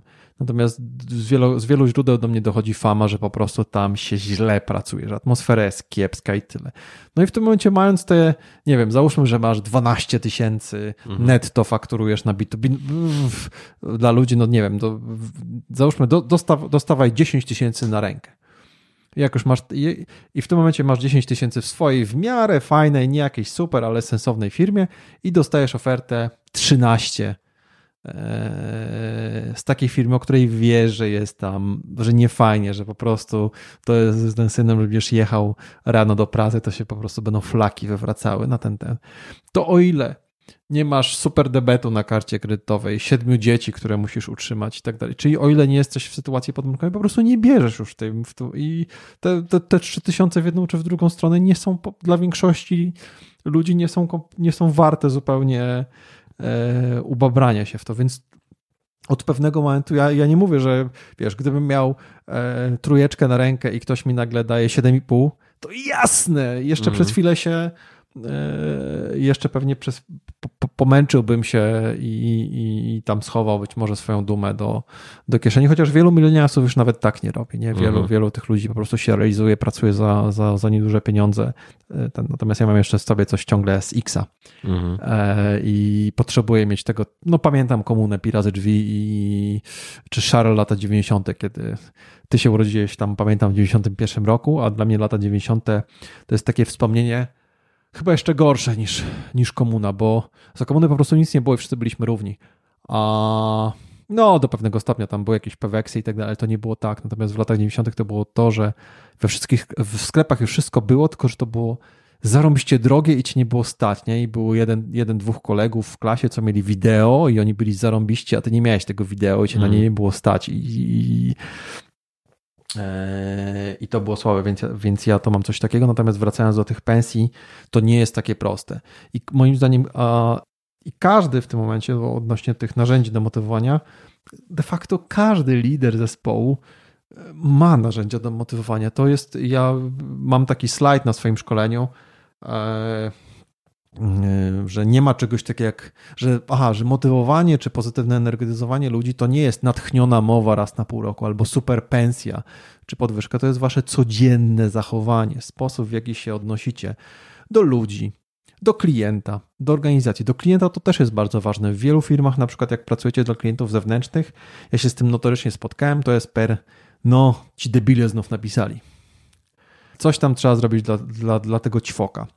I zero bullshit. Czasami ten klient nie jest fajny, czasami się zachowuje w niezbyt fajny sposób, ale w tym momencie waszym obowiązkiem jako tego, jako, jako tego lidera jest przynajmniej nie nie pompowanie tej sytuacji, nie, nie podkreślanie tego i tyle, no bo no okej, okay, no to już, to już jest, jest niefajnie, ale po, po cholerę to bez, be, bez przerwy podkreślać, bo mhm. stwarzacie w tym momencie taką atmosferę, że faktycznie pracujemy dla debila. No jeśli macie w perspektywie, że to jest dwuletni projekt, to pomyślcie, jak się ci wasi ludzie z zespołu czują. Mają przed sobą perspektywę dwóch lat dla debila. Mhm. No to jest trochę słabe, więc... I mam po... wrażenie, że pracując dla debila robisz minimum. oczywiście, że tak, ale w ogóle ci się nie chce iść do pracy, no bo po cholerę w nas wszystkich gdzieś tam mniej lub bardziej tkwi e, chęć, żeby jednak ta nasza praca no nie pracuje się fajnie, jeśli masz dwie kubki piachu i po prostu najpierw przesyp na jedną, później przesyp na drugą, to samo. Żeby ta praca miała jakiś fajny sens, cel i żeby to czemuś przy, coś, coś, coś, coś robiło, więc ta motywacja, to ja bym powiedział, że to jest po prostu takie sensowne, ludzkie traktowanie ludzi, na co dzień nie strzelanie w sobie w stopę też często, gęsto. Ja zaczynam dział o zachowaniu lidera e, takim ćwiczeniem, żeby ludzie wypisali to, czego nie lubią w swoich szefach. I po prostu z tego się zawsze strasznie dużo pojawia. No i mówię, mhm. no i co? No i macie pierwszy, poziom pierwszy, moi drodzy liderzy, to jest to po prostu spójrzcie na tę listę i dostrzeżcie, bo na pewno to wam się zdarzało. To się każdemu tylko tak łatwo wydaje, że znaczy widzą tylko u innych i po prostu złapcie się za rękę następnym razem. Mhm. Kiedy coś takiego, kiedy właśnie powiecie, o, że to jest bez sensu, czy że będziecie zbytnio kontrolować ludzi, czy że będziecie niekonkretni i tak dalej, i tak dalej, i tak dalej. To wszystko jest motyw. No, jak sobie każdy, może ktoś jest sceptyczny i kto tego słucha, yy, jak sobie pomyślicie, to o jakichś, nie wiem, fajnych środowiskach, fajnych miejscach pracy, fajnych projektach, czy też na studiach, przy których się pracowało, to tam nie do końca chodziło o te nagrody do końca, tylko chodziło jaka była atmosfera w zespole, co wyście robili, czy to było ciekawe i tak dalej, i tak dalej, i tak dalej. No i, i tak, i to też się bardzo liczy. Kasa się liczy, ale od, do pewnego mhm. e, do pewnego momentu. Od pewnego momentu to się dalej liczy. No oczywiście mając te 10 na rękę, jakby mi ktoś przyszedł i zaoferował 25 na rękę za być może na przykład za pół roku pracy, ale nad czymś totalnie e, e, słabym, to bym się być może, jestem zupełnie szczery, bym się pewnie zastanowił przez chwilę, e, mhm. przynajmniej, ale, ale to nie wszystko. Dobra, czyli określamy, czyli pieniądze liczą się od pewnego momentu. To, co mnie zaciekawiło, to okazało się, że e, podwyżka działa najczęściej motywacyjnie do około trzech miesięcy od przyznania. Tak, bardzo szybko zapominamy. No. Do, o, do, my generalnie dlatego lepsze, lepiej jest codziennie to, to codzienne zachowanie, codziennie coś zrobić, codziennie coś Mhm. wzmocnić. My się bardzo szybko, Dawid, przyzwyczajamy do dobrobytu. Ty masz, masz fajne mieszkanie masz tutaj. Ja mam fajne mieszkanie w Krakowie. I czasem jak ktoś pewnie czy do ciebie, czy do mnie przychodzi, to mówi, o, masz fajne mieszkanie. I, i, i wtedy kiw, kiwa się głową, mówi, o, su- super, dzięki. Ale ja tego fajnego mieszkania na co dzień nie zauważam. Ja je zauważałem do trzech miesięcy po remoncie. Ty pewnie zauważyłeś do trzech miesięcy po kiedy się tu, po, po tym, jak się tutaj wprowadziłeś. Ale za każdym razem goście zwracają uwagę, więc wiesz.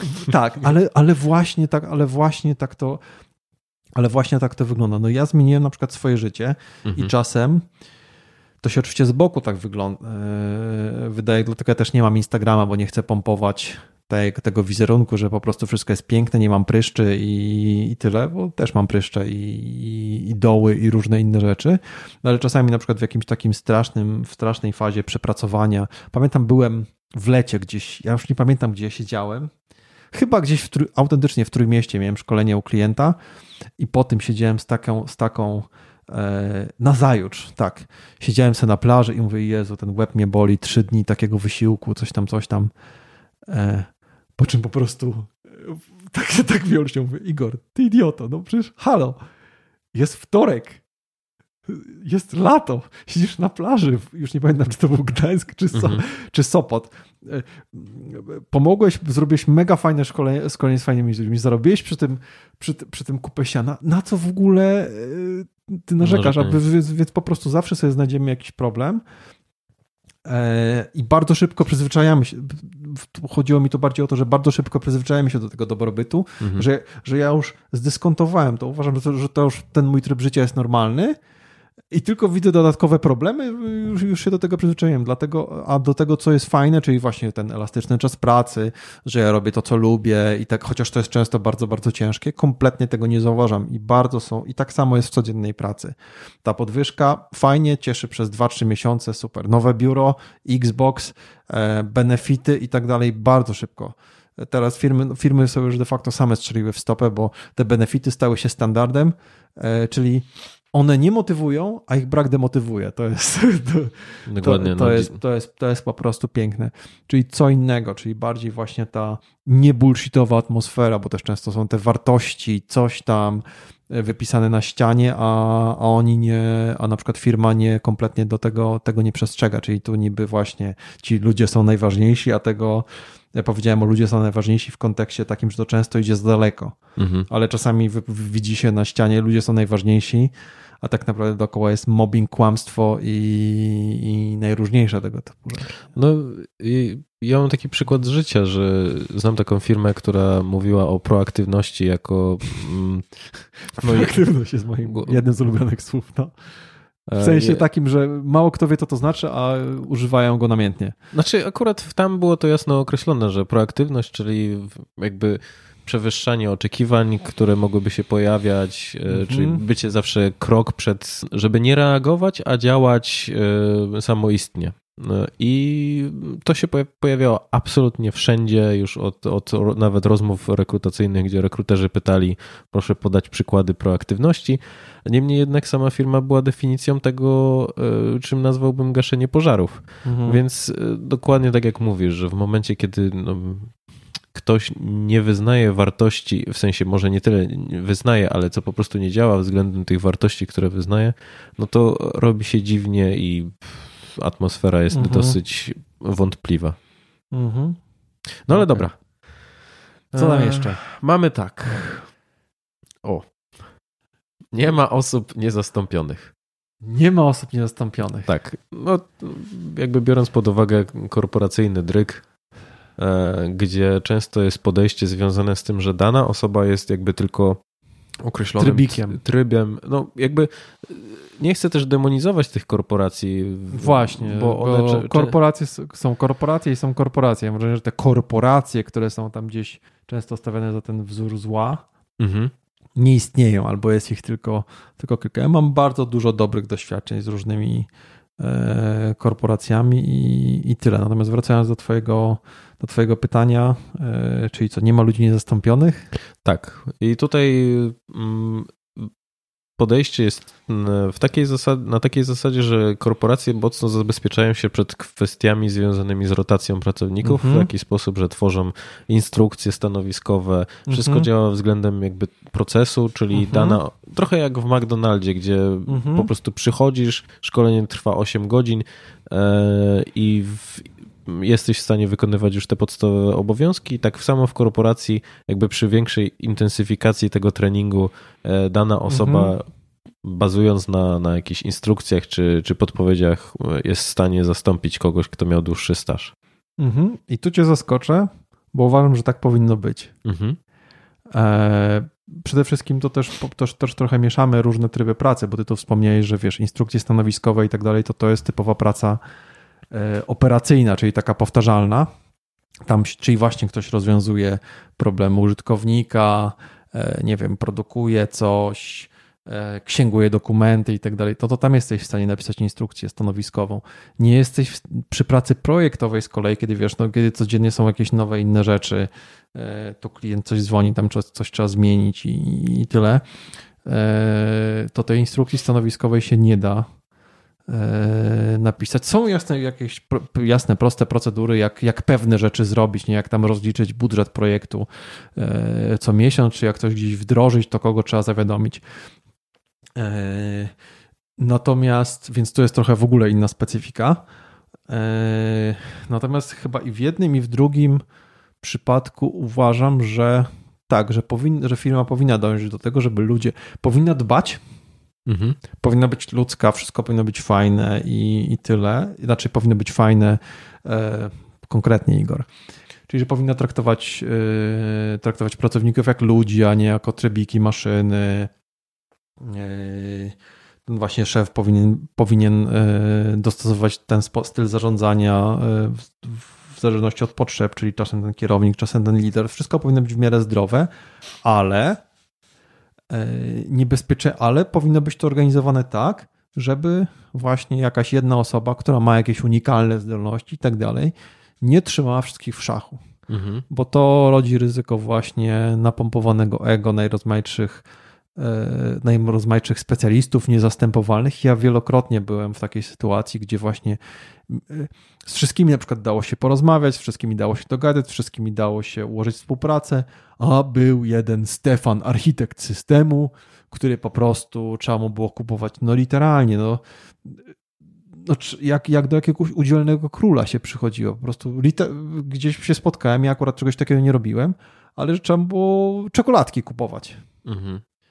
Bo inaczej Ale nie to, co, tak, bo w ogóle w ogóle nie zaczynał dyskusji, nie? Albo ja nie kupowałem czekoladek, ale trzeba było po prostu przychodzić i błagać głównego grafika na przykład, bo on jedyny miał kompetencje w czymś tam.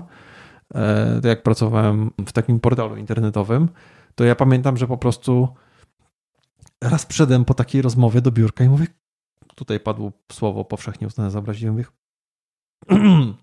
mówię, no jak to, no przecież siedzi tam, płacą mu za to, ma, ma, ma przydzielony, jest, jest przydzielony do tego projektu.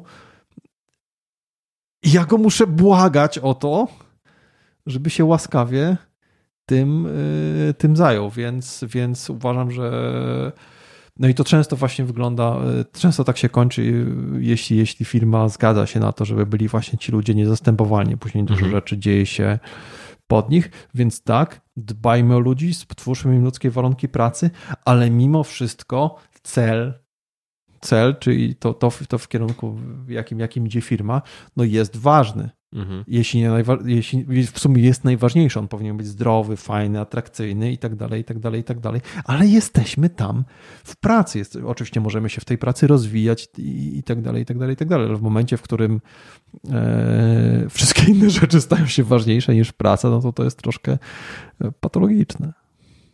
To w, czyli dążymy do takiego złotego środka, Mhm, czyli ani, tak.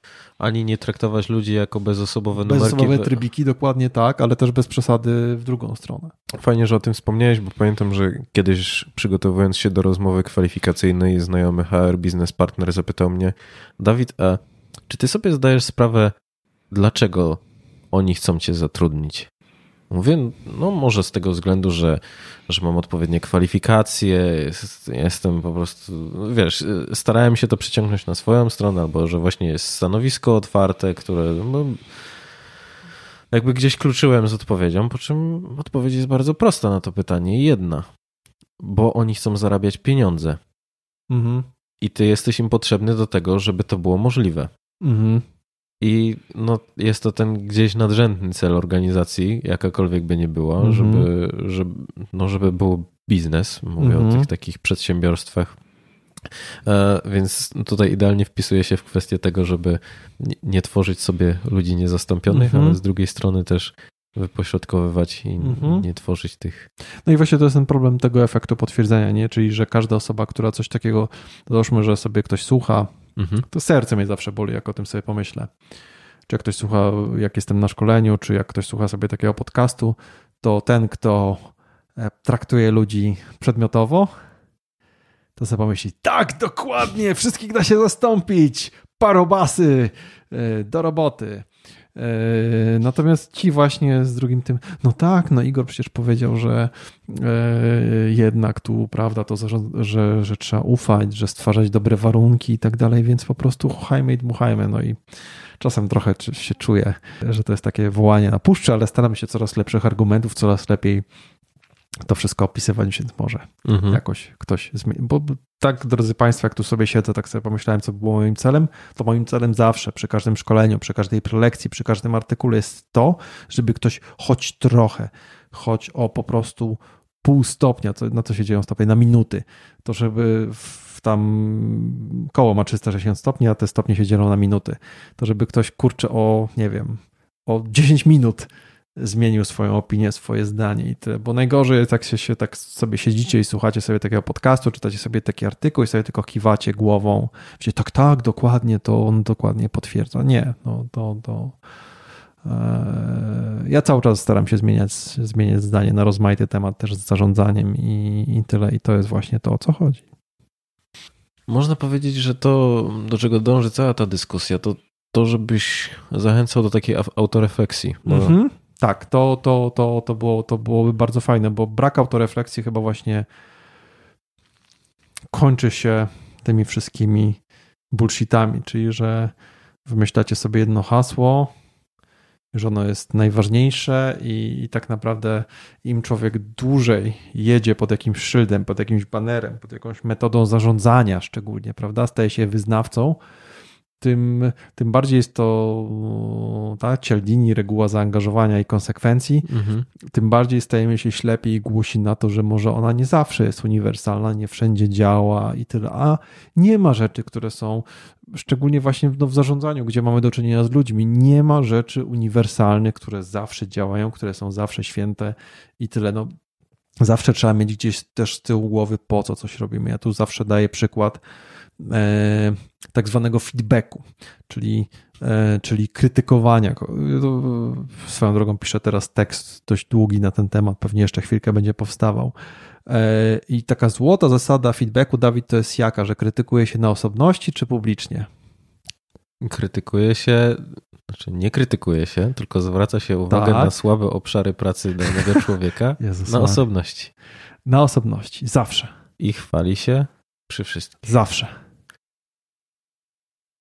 Mm, nie. No właśnie, nie. A bardzo dużo ludzi e, mówi nie, bo tak tego, tak było w telewizorze, w książce i już. Mhm. Bo podam ci dwa proste przykłady, kiedy, kiedy ta zasada nie ma zastosowania. Trzeba mieć zawsze z tyłu głowy, co my chcemy osiągnąć oraz wszystkie okoliczności. Przy chwaleniu jest bardzo prosto podać inną zasadę. Kiedy ta osoba faktycznie dała sobie radę, ale jakoś nie do końca dogaduje się z zespołem.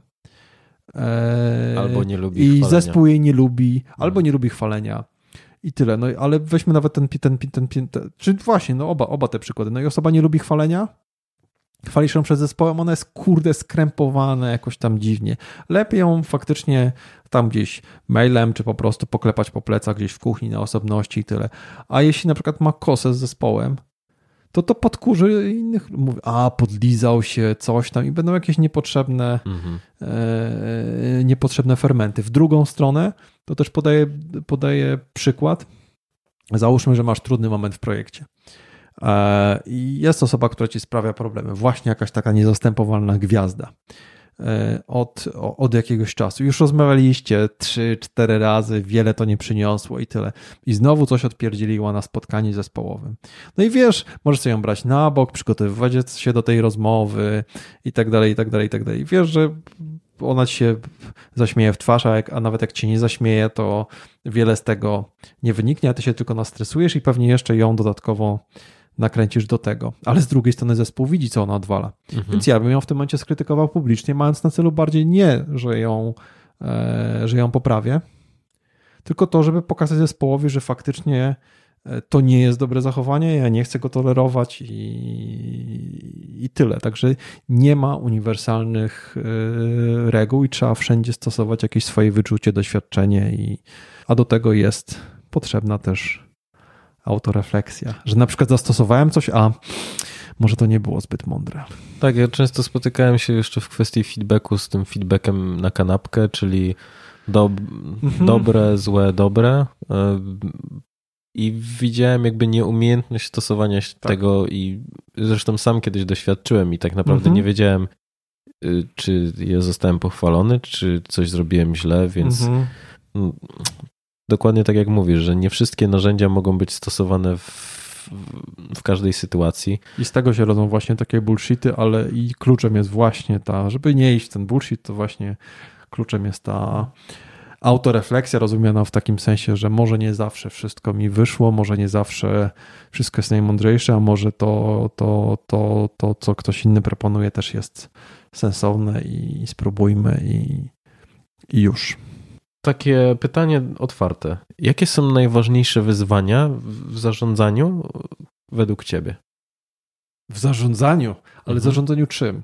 Możemy to podzielić na dwie, znaczy tak, mhm. z jednej strony chciałbym powiedzieć o zarządzaniu projektami, mhm. a druga kwestia to zarządzaniu ludźmi w projektach, bo na mhm. przykład to, co mnie bardzo ciekawi, to jak ty dajesz sobie radę w takich sytuacjach, albo jak dawałeś sobie radę mhm. kiedyś w momencie... Nadal, nadal mi się zdarza realizować projekty, także... Okej. Okay.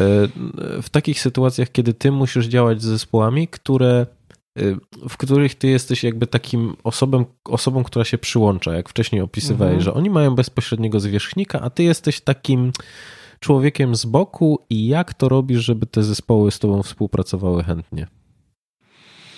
Ło, to tu znowu strasznie mi się, e, strasznie bym się e, e, wzbraniał przed dawaniem jakichś uniwersalnych recept, bo to strasznie zależy od kontekstu organizacji, mhm. projektu mhm. i tyle. Natomiast to, na co bym na pewno naciskał, to jest to, żeby. To może powiem o stanie idealnym. Stan idealny to byłby taki, to, to byłby taki, gdzie E, ci ludzie byliby zaangażowani w ten mój projekt 50% e, swojego czasu lub więcej, idealnie mhm. 100, gdzie mógłbym ich przesadzić w, wspólnie w jedno miejsce i to się czasem nie udaje. Natomiast to, co się na pewno powinno udać, to jest to, żeby ci ludzie wiedzieli, po co jest ten projekt. Ja, co jest w ogóle celem? Nie, nie, że sobie wdrażamy jakiś system, tylko że ten system ma nam zapewnić jakieś takie oszczędności on, i te oszczędności są ważne dla naszej firmy, bo chcemy na przykład wykupić, e, nie wiem, jakiś bank albo cokolwiek innego, zrobić co nam pozwoli coś innego i jeszcze najlepiej, żeby sobie być może spotkali się albo pogadali z jakimiś klientami tego projektu. Mhm. I, I tyle, bo bardzo często jest właśnie tak, że ten zespół projektowy jest takimi ludźmi, co siedzą w swojej piwnicy i klepią swój kawałek. E, i po pierwsze, nawet nie do końca wiedzą, jaki jest sens i cel w całości tego wszystkiego. Ja się śmieję, że w, na przykład to może być coś bardzo mało seksownego, to co oni robią e, w ramach takiego projektu. Taki przykład z IT e, to jest konektor do SAP-a. SAP to są takie, SAP to jest taki wielki, wielki, gigantyczny system do zarządzania, nie wiem, on yy, i jakieś tam yy, stany magazynowe, stanie yy, i całą księgowość i najróżniejsze rzeczy, to jest taka kobyła, i, no ale to są mało, mało seksowne projekty, to tam mhm. księgowość coś każe zmienić i tyle i coś tam, coś tam robisz. No i są na przykład jeśli jacyś, jacyś, jacyś kolesie mają napisać jakiś prosty, mały programik, który się z tym SAP-em będzie komunikował, to to jest mało sexy. Mhm. ale to przynajmniej można im powiedzieć, ja miałem taki przypadek, że ok, ale ten programik służy temu, żeby jacyś menedżerowie mogli szybciej i sprawniej zatwierdzać urlopy, które też w tym SAP-ie siedzą, bo normalnie muszą się logować do tego SAP-a, wejść do tego systemu, to strasznie długo trwa, tam się coś wgrywa i tyle, a oni mają dużo pracowników i to jest strasznie im zabiera czas, ci pracownicy często mają w związku z tym później zatwierdzone urlopy i tyle. No jak napiszecie taki prosty programik, dzięki któremu oni mogą na, na telefonie komórkowym to to zrobić, to to po prostu będzie szybciej i pomożecie tym ludziom. Wow! Można i przedstawienie tego w taki sposób, a nie musicie zrobić interfejs, który ma takie, taką specyfikację. Jasne, o tym się później mówi też. Ale bardzo często w projektach brakuje tego sensu i celu, dla kogo, e, dla kogo to jest, i to może zrobić każdy. E, lider Czyli... projektu, niezależnie od tego, czy może ich przesadzić, czy nie może ich, e, czy nie może ich przesadzić razem, czy nie ma ich, czy, czy może niekoniecznie może mieć, nie wiem, kogoś na 100% etatu u siebie, tylko ma tam jego jakiś mały, mały wycinek. Natomiast kończąc tę wypowiedź, powiem tak i brutalnie, że bardzo często jest taka takie pomieszanie z poplątaniem, bo oczekuje się, czy szkoli się na przykład tych liderów, czy kierowników projektów, czy, czy koordynatorów, przekazując im takie najrozmaitsze właśnie dobre praktyki, o których ja tu częściowo wspominałem, a oni później znajdują się w takiej sytuacji, gdzie właśnie, gdzie często ci ludzie, którymi mają zarządzać w cudzysłowie w ramach tego projektu, są gdzieś zdalnie przydzieleni na trzy godziny tygodniowo i, i w ogóle zajmują się kompletnie totalnie czymś innym. Więc ja powiem wtedy brutalnie tak, wtedy też zero bullshit, drodzy słuchacze. Wtedy można prawdopodobnie zapomnieć, znaczy wtedy trzeba być po prostu jasne, przyzwoitym człowiekiem normalnie, ale wtedy można zapomnieć o większości tych technik przywódczych i tak dalej. Wtedy wręcz prędzej się trzeba zamienić w tego jak to szefa. Mhm. Z tego, czyli normalnie macie kalendarze, Excele i ścigacie tych ludzi o te zadania, no bo przykro mi, ale jeśli ktoś jest dla Was dostępny na 3 godziny e, tygodniowo, to I tam. pracuje z Filipin i pracuje z Filipin, to inspirowanie go i tak dalej. Jasne, to nigdy nie można, yy, nigdy nie można się poddawać, natomiast, natomiast też nie oczekujcie, że, że to wiele, że to wiele zmieni. Też trzeba się postawić w sytuacji tej osoby. Ona jest nawet nie na Filipinach, ale jest, siedzi w innym budynku w tej waszej firmie. Faktycznie jest dla was na, na 3 godziny tylko dostępna. Tu ją cisną z 17 innych projektów.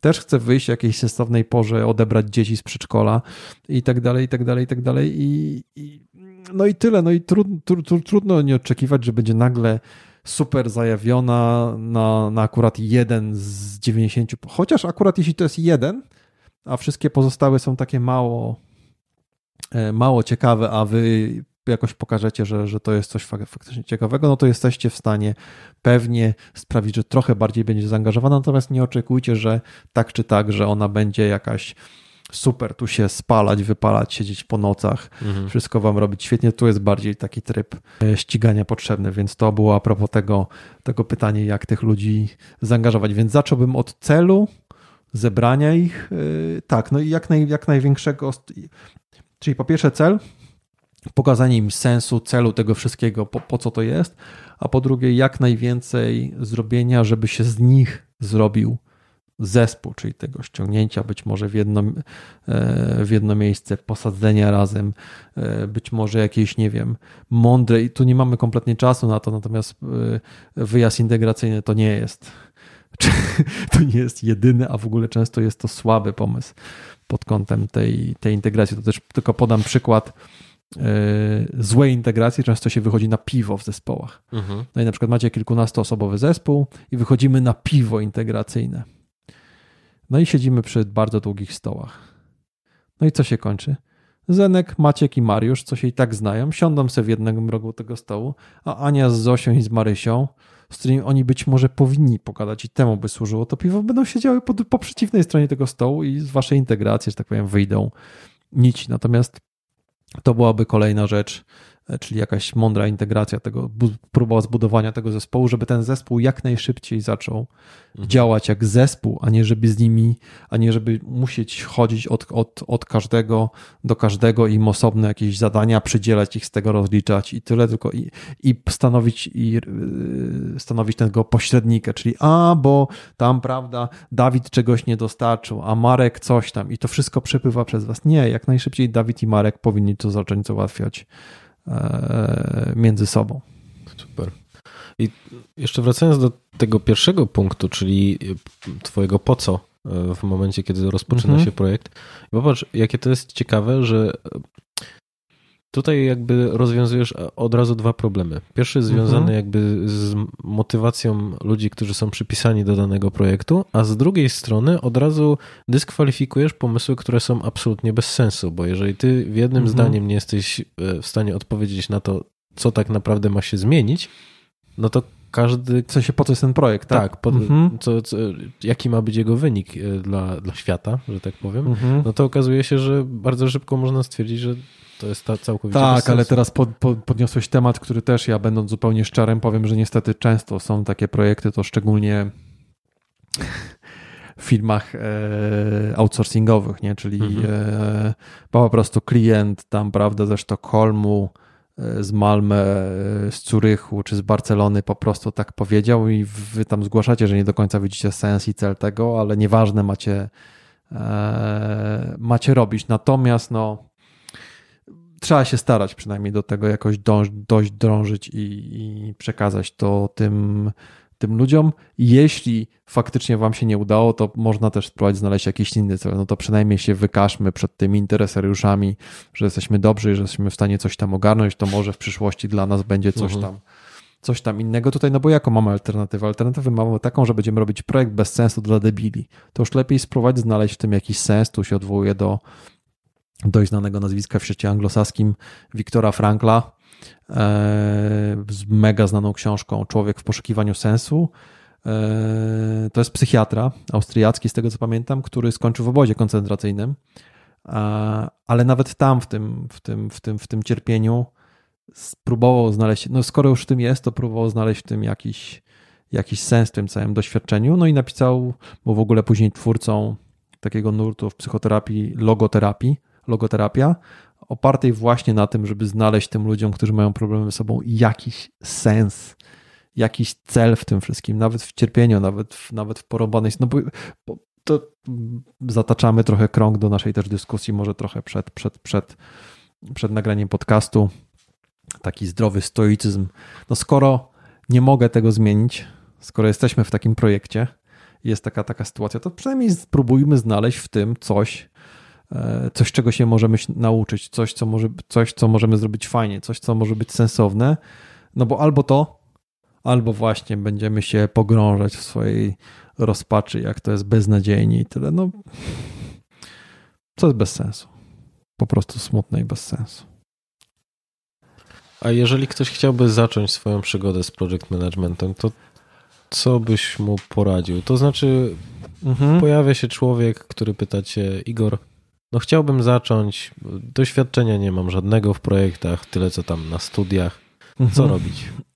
Eee, co robić? Więc ja go zawsze odsyłam do pod kątem umiejętności, czyli pod kątem z jakiegoś tam zasobu wiedzy, to go zawsze odsyłam. Mam taki tekst, który popełniłem parę lat temu, odświeżyłem go na wiosnę tego roku.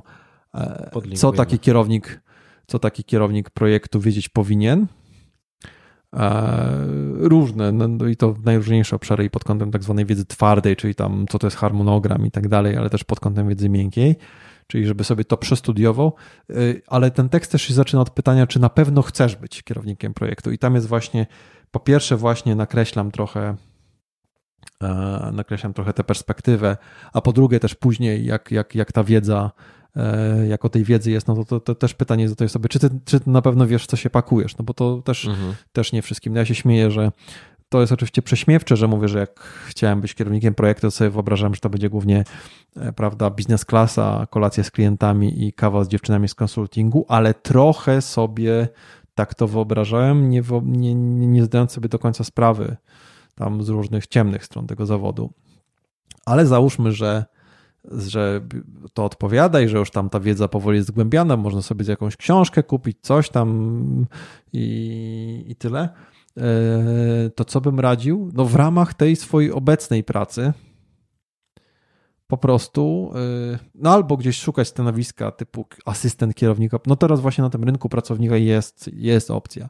Asystent PMO, czyli biura projektów, asystent kierownika projektów, być może junior project manager w jakiejś tam innej firmie. Ja powiem szczerze, że gdybym Zresztą tu nawet Cię pytałem, ale powiedziałeś, że to się zdezaktualizuje, bo, bo, bo to będzie bo to będzie e, długo ten podcast wisiał. Natomiast ja, ja sam nawet teraz szukam osoby mhm. na, na 25% etatu, tak to bardziej taka praca dorywcza, elastyczna i, i tyle, która mi po prostu pomoże ogarniać to, to, to, to, to co robię.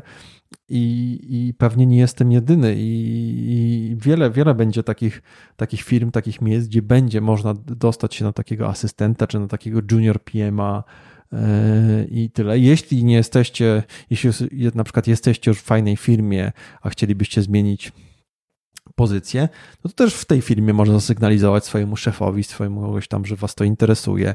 Być może jest szansa na, na zmianę na zmianę w obrębie, w obrębie tego, ale przede wszystkim to, co bym wam chciał powiedzieć, to jest, dam wam tę samą radę, którą kiedyś dał Eric Krohn, e, e, architekt systemu w Holandii w startupie w mobilnym, w którym tam pracowałem.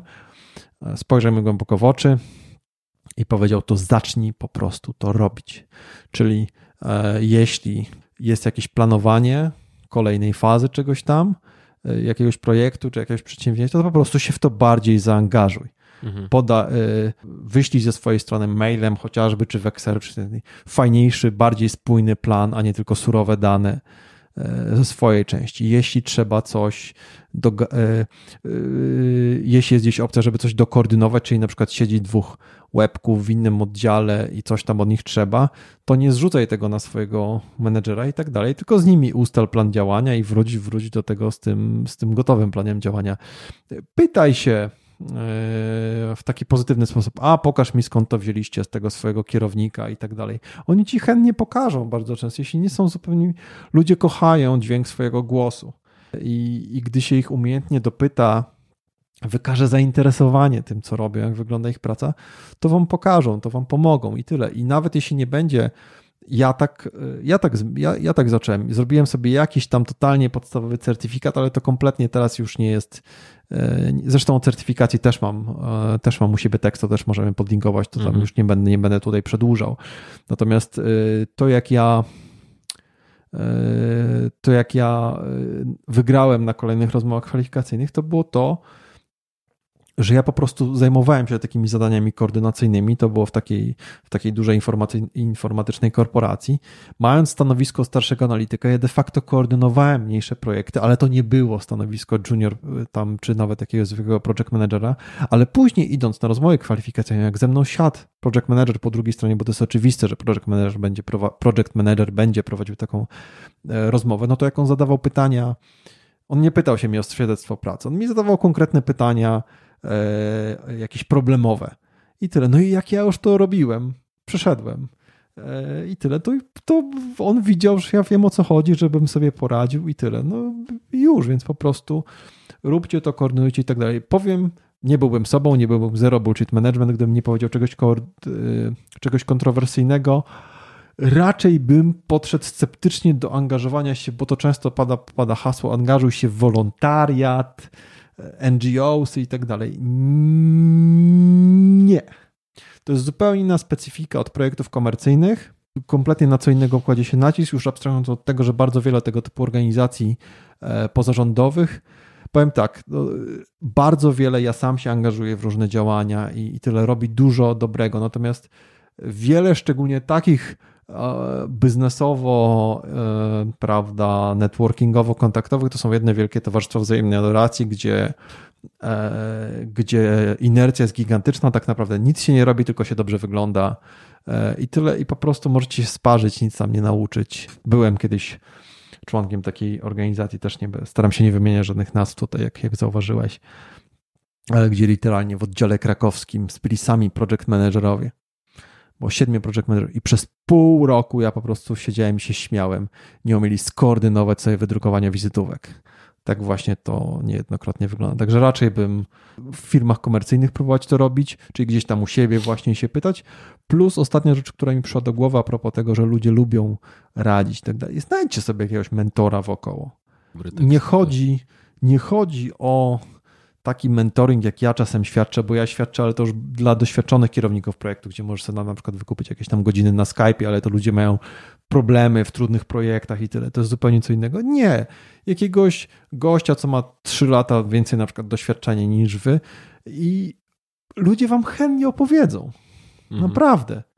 E, jak zostali tymi kierownikami projektu, co jest dla nich największym wyzwaniem, na co według nich powinniście zwrócić uwagę, jaką książkę przeczytać, coś tam. E, jeśli to będzie ktoś od was z firmy, to często właśnie będziecie mogli coś tam coś tam pomóc zrobić, jakiś plan i tak dalej, i tak dalej, i tak dalej, i tak dalej. A jak zobaczę, że im się, a jak zobaczę, że wam się chce i że to robicie, to bardzo często sam może sprawić, że, że traficie do nich, do, do ich działu i tyle. No ja sam pamiętam, y, zresztą ci wspomniani Holendrzy, ja byłem tam delegowany przez firmę, ale to między innymi właśnie dlatego, ja się dopiero po latach, oni mi wtedy mówili, że to dlatego, że jestem pracowity i mi się chce i dobrze mówię po angielsku. Mhm. Ja dopiero po latach, jak zacząłem właśnie koordynować takie duże projekty, to spojrzałem na siebie z tej perspektywy, kurde, sam bym takiego gościa ściągnął do siebie, gdyby się wyróżniał. Po prostu się wyróżniajcie, niech wam się chce. Mhm. I, i, I, bądźcie cierpliwi. Tak, wielokrotnie spotkałem się z takim fajnym, fajnym określeniem, że my bardzo nie doceniamy to, co jesteśmy w stanie zrobić w ciągu jednego, dwóch lat, mhm. a przeceniamy to, co jesteśmy w stanie zrobić w ciągu jednego dnia czy w ciągu tygodnia. Więc, więc po prostu też nie oczekujcie, że od razu oni wam zaoferują pracę i tyle. Natomiast zobaczycie je na przykład w ciągu roku takiego, takiego mądrego, czyli właśnie nie z motyką na słońce, nie tak jakbyście się oglądali trenera rozwoju osobistego, który was uuu, zarąbiście, lecimy 18 kaw i jedziemy, jedziemy z koksem 40, 40 godzin dziennie, nagle niech się zrobi, tylko po prostu mądrze, konsekwentnie, jedno, dwa fajne działania tygodniowo e, i, i zobaczycie po roku, ile się nauczycie, jaką sobie zrobicie opinię, jak to będzie, e, jak to będzie wyglądało. Chyba dobra rada, mam nadzieję. No bardzo kompleksowa, więc myślę, że tutaj każdy znajdzie coś dla siebie. Super. A powiedz mi, czym dla ciebie jest charyzma? Bałem się tego pytania nie przygotowałem się do niego zupełnie. I bardzo, bardzo. Właśnie zrobiłem to z premedytacją, żeby być może mi się coś nawinie. Hmm.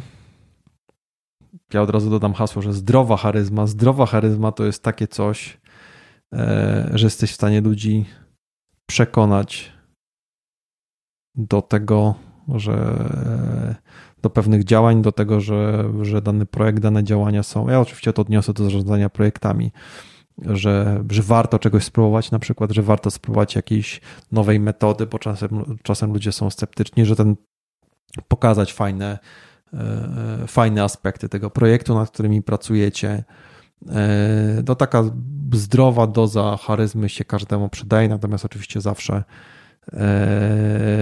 mi się przypomina, że też charyzma potrafi, taka czysto charyzma, tak jak to jest rozumiane, mhm. potrafi być niebezpieczna, bo to, bo to są ci szefowie, którzy jeśli tak wam nawiną ten makaron na uszy, to sprawią, że jak te lemingi pójdziecie eee, z klifu i tyle. I z tym się też niestety w świecie startupów spotkałem, że ludzie żyją w jakiejś takiej bańce iluzji, że robią sobie jakieś śmieszne systemy, nikomu do niczego niepotrzebne i wydaje mi się, że zrewolucjonizują świat i, i tyle. Więc tak, zdrowa charyzma się bardzo.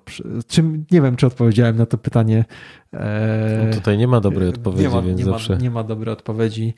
E, przydaje się trochę takiemu, nawet nie trochę. Czasem nie chciałbym tutaj określać skali. Mhm. Przydaje się takiemu liderowi, kierownikowi Ważne, żeby proje... Ważne, żeby była, natomiast tej charyzmy jest tyle, ile, ile osób. To, to na pewno nie widziałbym tego jako tylko jakiś gościu, który mówi ze sceny i robi nie wiadomo co. Zawsze podaję tutaj przykład zestawienia był Steve Jobs, więc zestawiam go na przykład Steve'a Jobsa z Elonem Muskiem. Mhm i podczas gdy Jobs mówił ładnie, składnie, e, wyprostowany i, i, i, i tyle, to, to Musk taki nie jest. Ktokolwiek widział jakąś prezentację Ilona Muska, czy jakiś wywiad z Elonem Muskiem, nawet tam był ostatnio ten, ten dość znany z Joe Rogana, takiego bardzo znanego podcastera amerykańskiego, gdzie Musk sobie zapalił jointa. Natomiast Musk, mu, Musk się jąka, jakieś powtórzenia, no, nie coś jest mistrzem tam. wypowiedzi. Nie jest mistrzem wypowiedzi. Natomiast Musk ma wizję. Za nim stoi wizja. I jego się po prostu słucha ze względu na to, że on wie, co mówi, jest pewny siebie i, i to, co mówi, jest ciekawe. to, to po prostu ten kierunek, więc, więc nie trzeba być super ładnym gościem z białymi ząbkami nie wiadomo jakim głosem teatralnym i tak dalej, i tak dalej, i tak dalej, żeby ludzi faktycznie w tym odpowiednim kierunku e, w tym odpowiednim kierunku pchać. Ja powiem szczerze, mi się bardziej podoba ta, e, ta charyzma maskowa, bo i sam też staram się e, iść w tym kierunku, żeby bo jako Zero Bullshit Management, jak wychodzę z takim hasłem, to wiem, że to też za tym idzie duża odpowiedzialność, że ludzie się spodziewają kogoś, kto będzie tak trochę w kontrkulturze, ale jeśli taki jesteś, to musi tam być coś więcej, tam musi być jakaś merytoryka. Bo jak nie ma merytoryki, to jesteś tylko pieniaczem. Mhm. Więc, więc dla mnie, o, mądra, ta taka mądra charyzma to jest coś, za czym idzie coś więcej, a nie tylko otoczka. A nie tylko ładna otoczka, Tymochowicz. E, Powiedz mi, gdzie cię szukać w sieci, jeżeli ktoś chciałby się z tobą skontaktować? Yy, to odeślę na trzy miejsca. Mhm. Yy, pierwszym to jest strona zerobs.pl, czyli ta moja działalność doradczo szkoleniowa i tam też no nie, nie, tylko sobie wejdziecie i że tam jest jakaś tam oferta szkoleń i tak dalej, i tak dalej, i tak dalej, ale tam mam, mam też dział wiedza i materiały, gdzie E, gdzie umieszczam różne rzeczy całkowicie, jak się śmieję, całkowicie za darmo i nie, nie trzeba się zapisać na newsletter, kliknąć lajka i tak dalej, bo staram się w swojej działalności działać tak i traktować ludzi tak, jak sam bym chciał być traktowany. Mnie na przykład szlak trafia, jak wchodzę na jakąś stronę i nawet jeszcze nie wiem, czy ona jest fajna, czy jest niefajna, ale już się mam zapisać na newsletter. E, albo ktoś mi wciska e-booka, którego mam w głębokim poważaniu, nie chcę twojego e-booka, nie mam czasu na jego czytanie, mhm. weź go sobie stary. Także zapraszam na tę stronę, oprócz tego na bloga antifragile.pl, antifragile.pl, gdzie piszę o takich trochę e, w taki trochę luźniejszym stylu, ale też jest sporo rzeczy związanych. Im jestem starszy, im jestem bardziej w to wkręcony, tym więcej jest takich. Tym wpisy są rzadsze, a bardziej takie dogłębne i też się sporo o zarządzaniu e, pojawia właśnie między, tak jak wspomniałem, w trakcie nagrania też. Aktualnie jestem w trakcie pisania dwóch tekstów. Jeden na temat przyjmowania krytyki, a drugi na temat dawania krytyki, zarówno mhm. w kontekście prywatnym, jak i w kontekście zawodowym, bo tak jak widzę właśnie w projektach i nie tylko, to nam bardzo. Ja też mam ciągle z tym problemy. E, cała idea tego bloga polega na tym, że ja nie piszę z, z piedestału jako taki pan, co się na tym świetnie zna, tylko jako taki gość który sam się z tym zmaga i jak sobie z tym, z tym radzi. I tyle na trzecia, trzecia, trzeci, trzecia strona to y, jak ktoś chce, to może zawsze mnie śledzić na, na portalu LinkedIn. Okej. Okay. No dobra, to ja dziękuję serdecznie za tą rozmowę. To... Ja również, mam nadzieję, że nie była za długa. E, wiesz co, na pewno nie była, e, nie zawierała bullshitu, więc o. to najważniejsze. E, no więc cieszę się bardzo, że... A jeśli zawierała, to bardzo bym prosił o wytknięcie mi w komentarzu, bo tak jak powiedziałem, ja bardzo chętnie zmieniam zdanie. Dobra. No to zachęcamy do, do, do wytykania tego, co, co wy u, u, moglibyście określić jako bullshit. No to co, jeszcze raz dziękuję serdecznie i, i tyle z mojej strony. Super, bardzo dziękuję. Ale zanim się rozstaniemy, to chciałbym Wam jeszcze serdecznie podziękować za to, że, że słuchacie podcastu i że mm, spędziliśmy razem kolejne dwie godziny. No ja też chciałbym Was zaprosić do social mediów na LinkedIn, na, na, Facebooka czy na Instagrama, bo możecie się tam dowiedzieć o tym, co dzieje się z podcastem charyzmatycznym w międzyczasie. A tymczasem żegnam się i do usłyszenia w następnym odcinku. Cześć!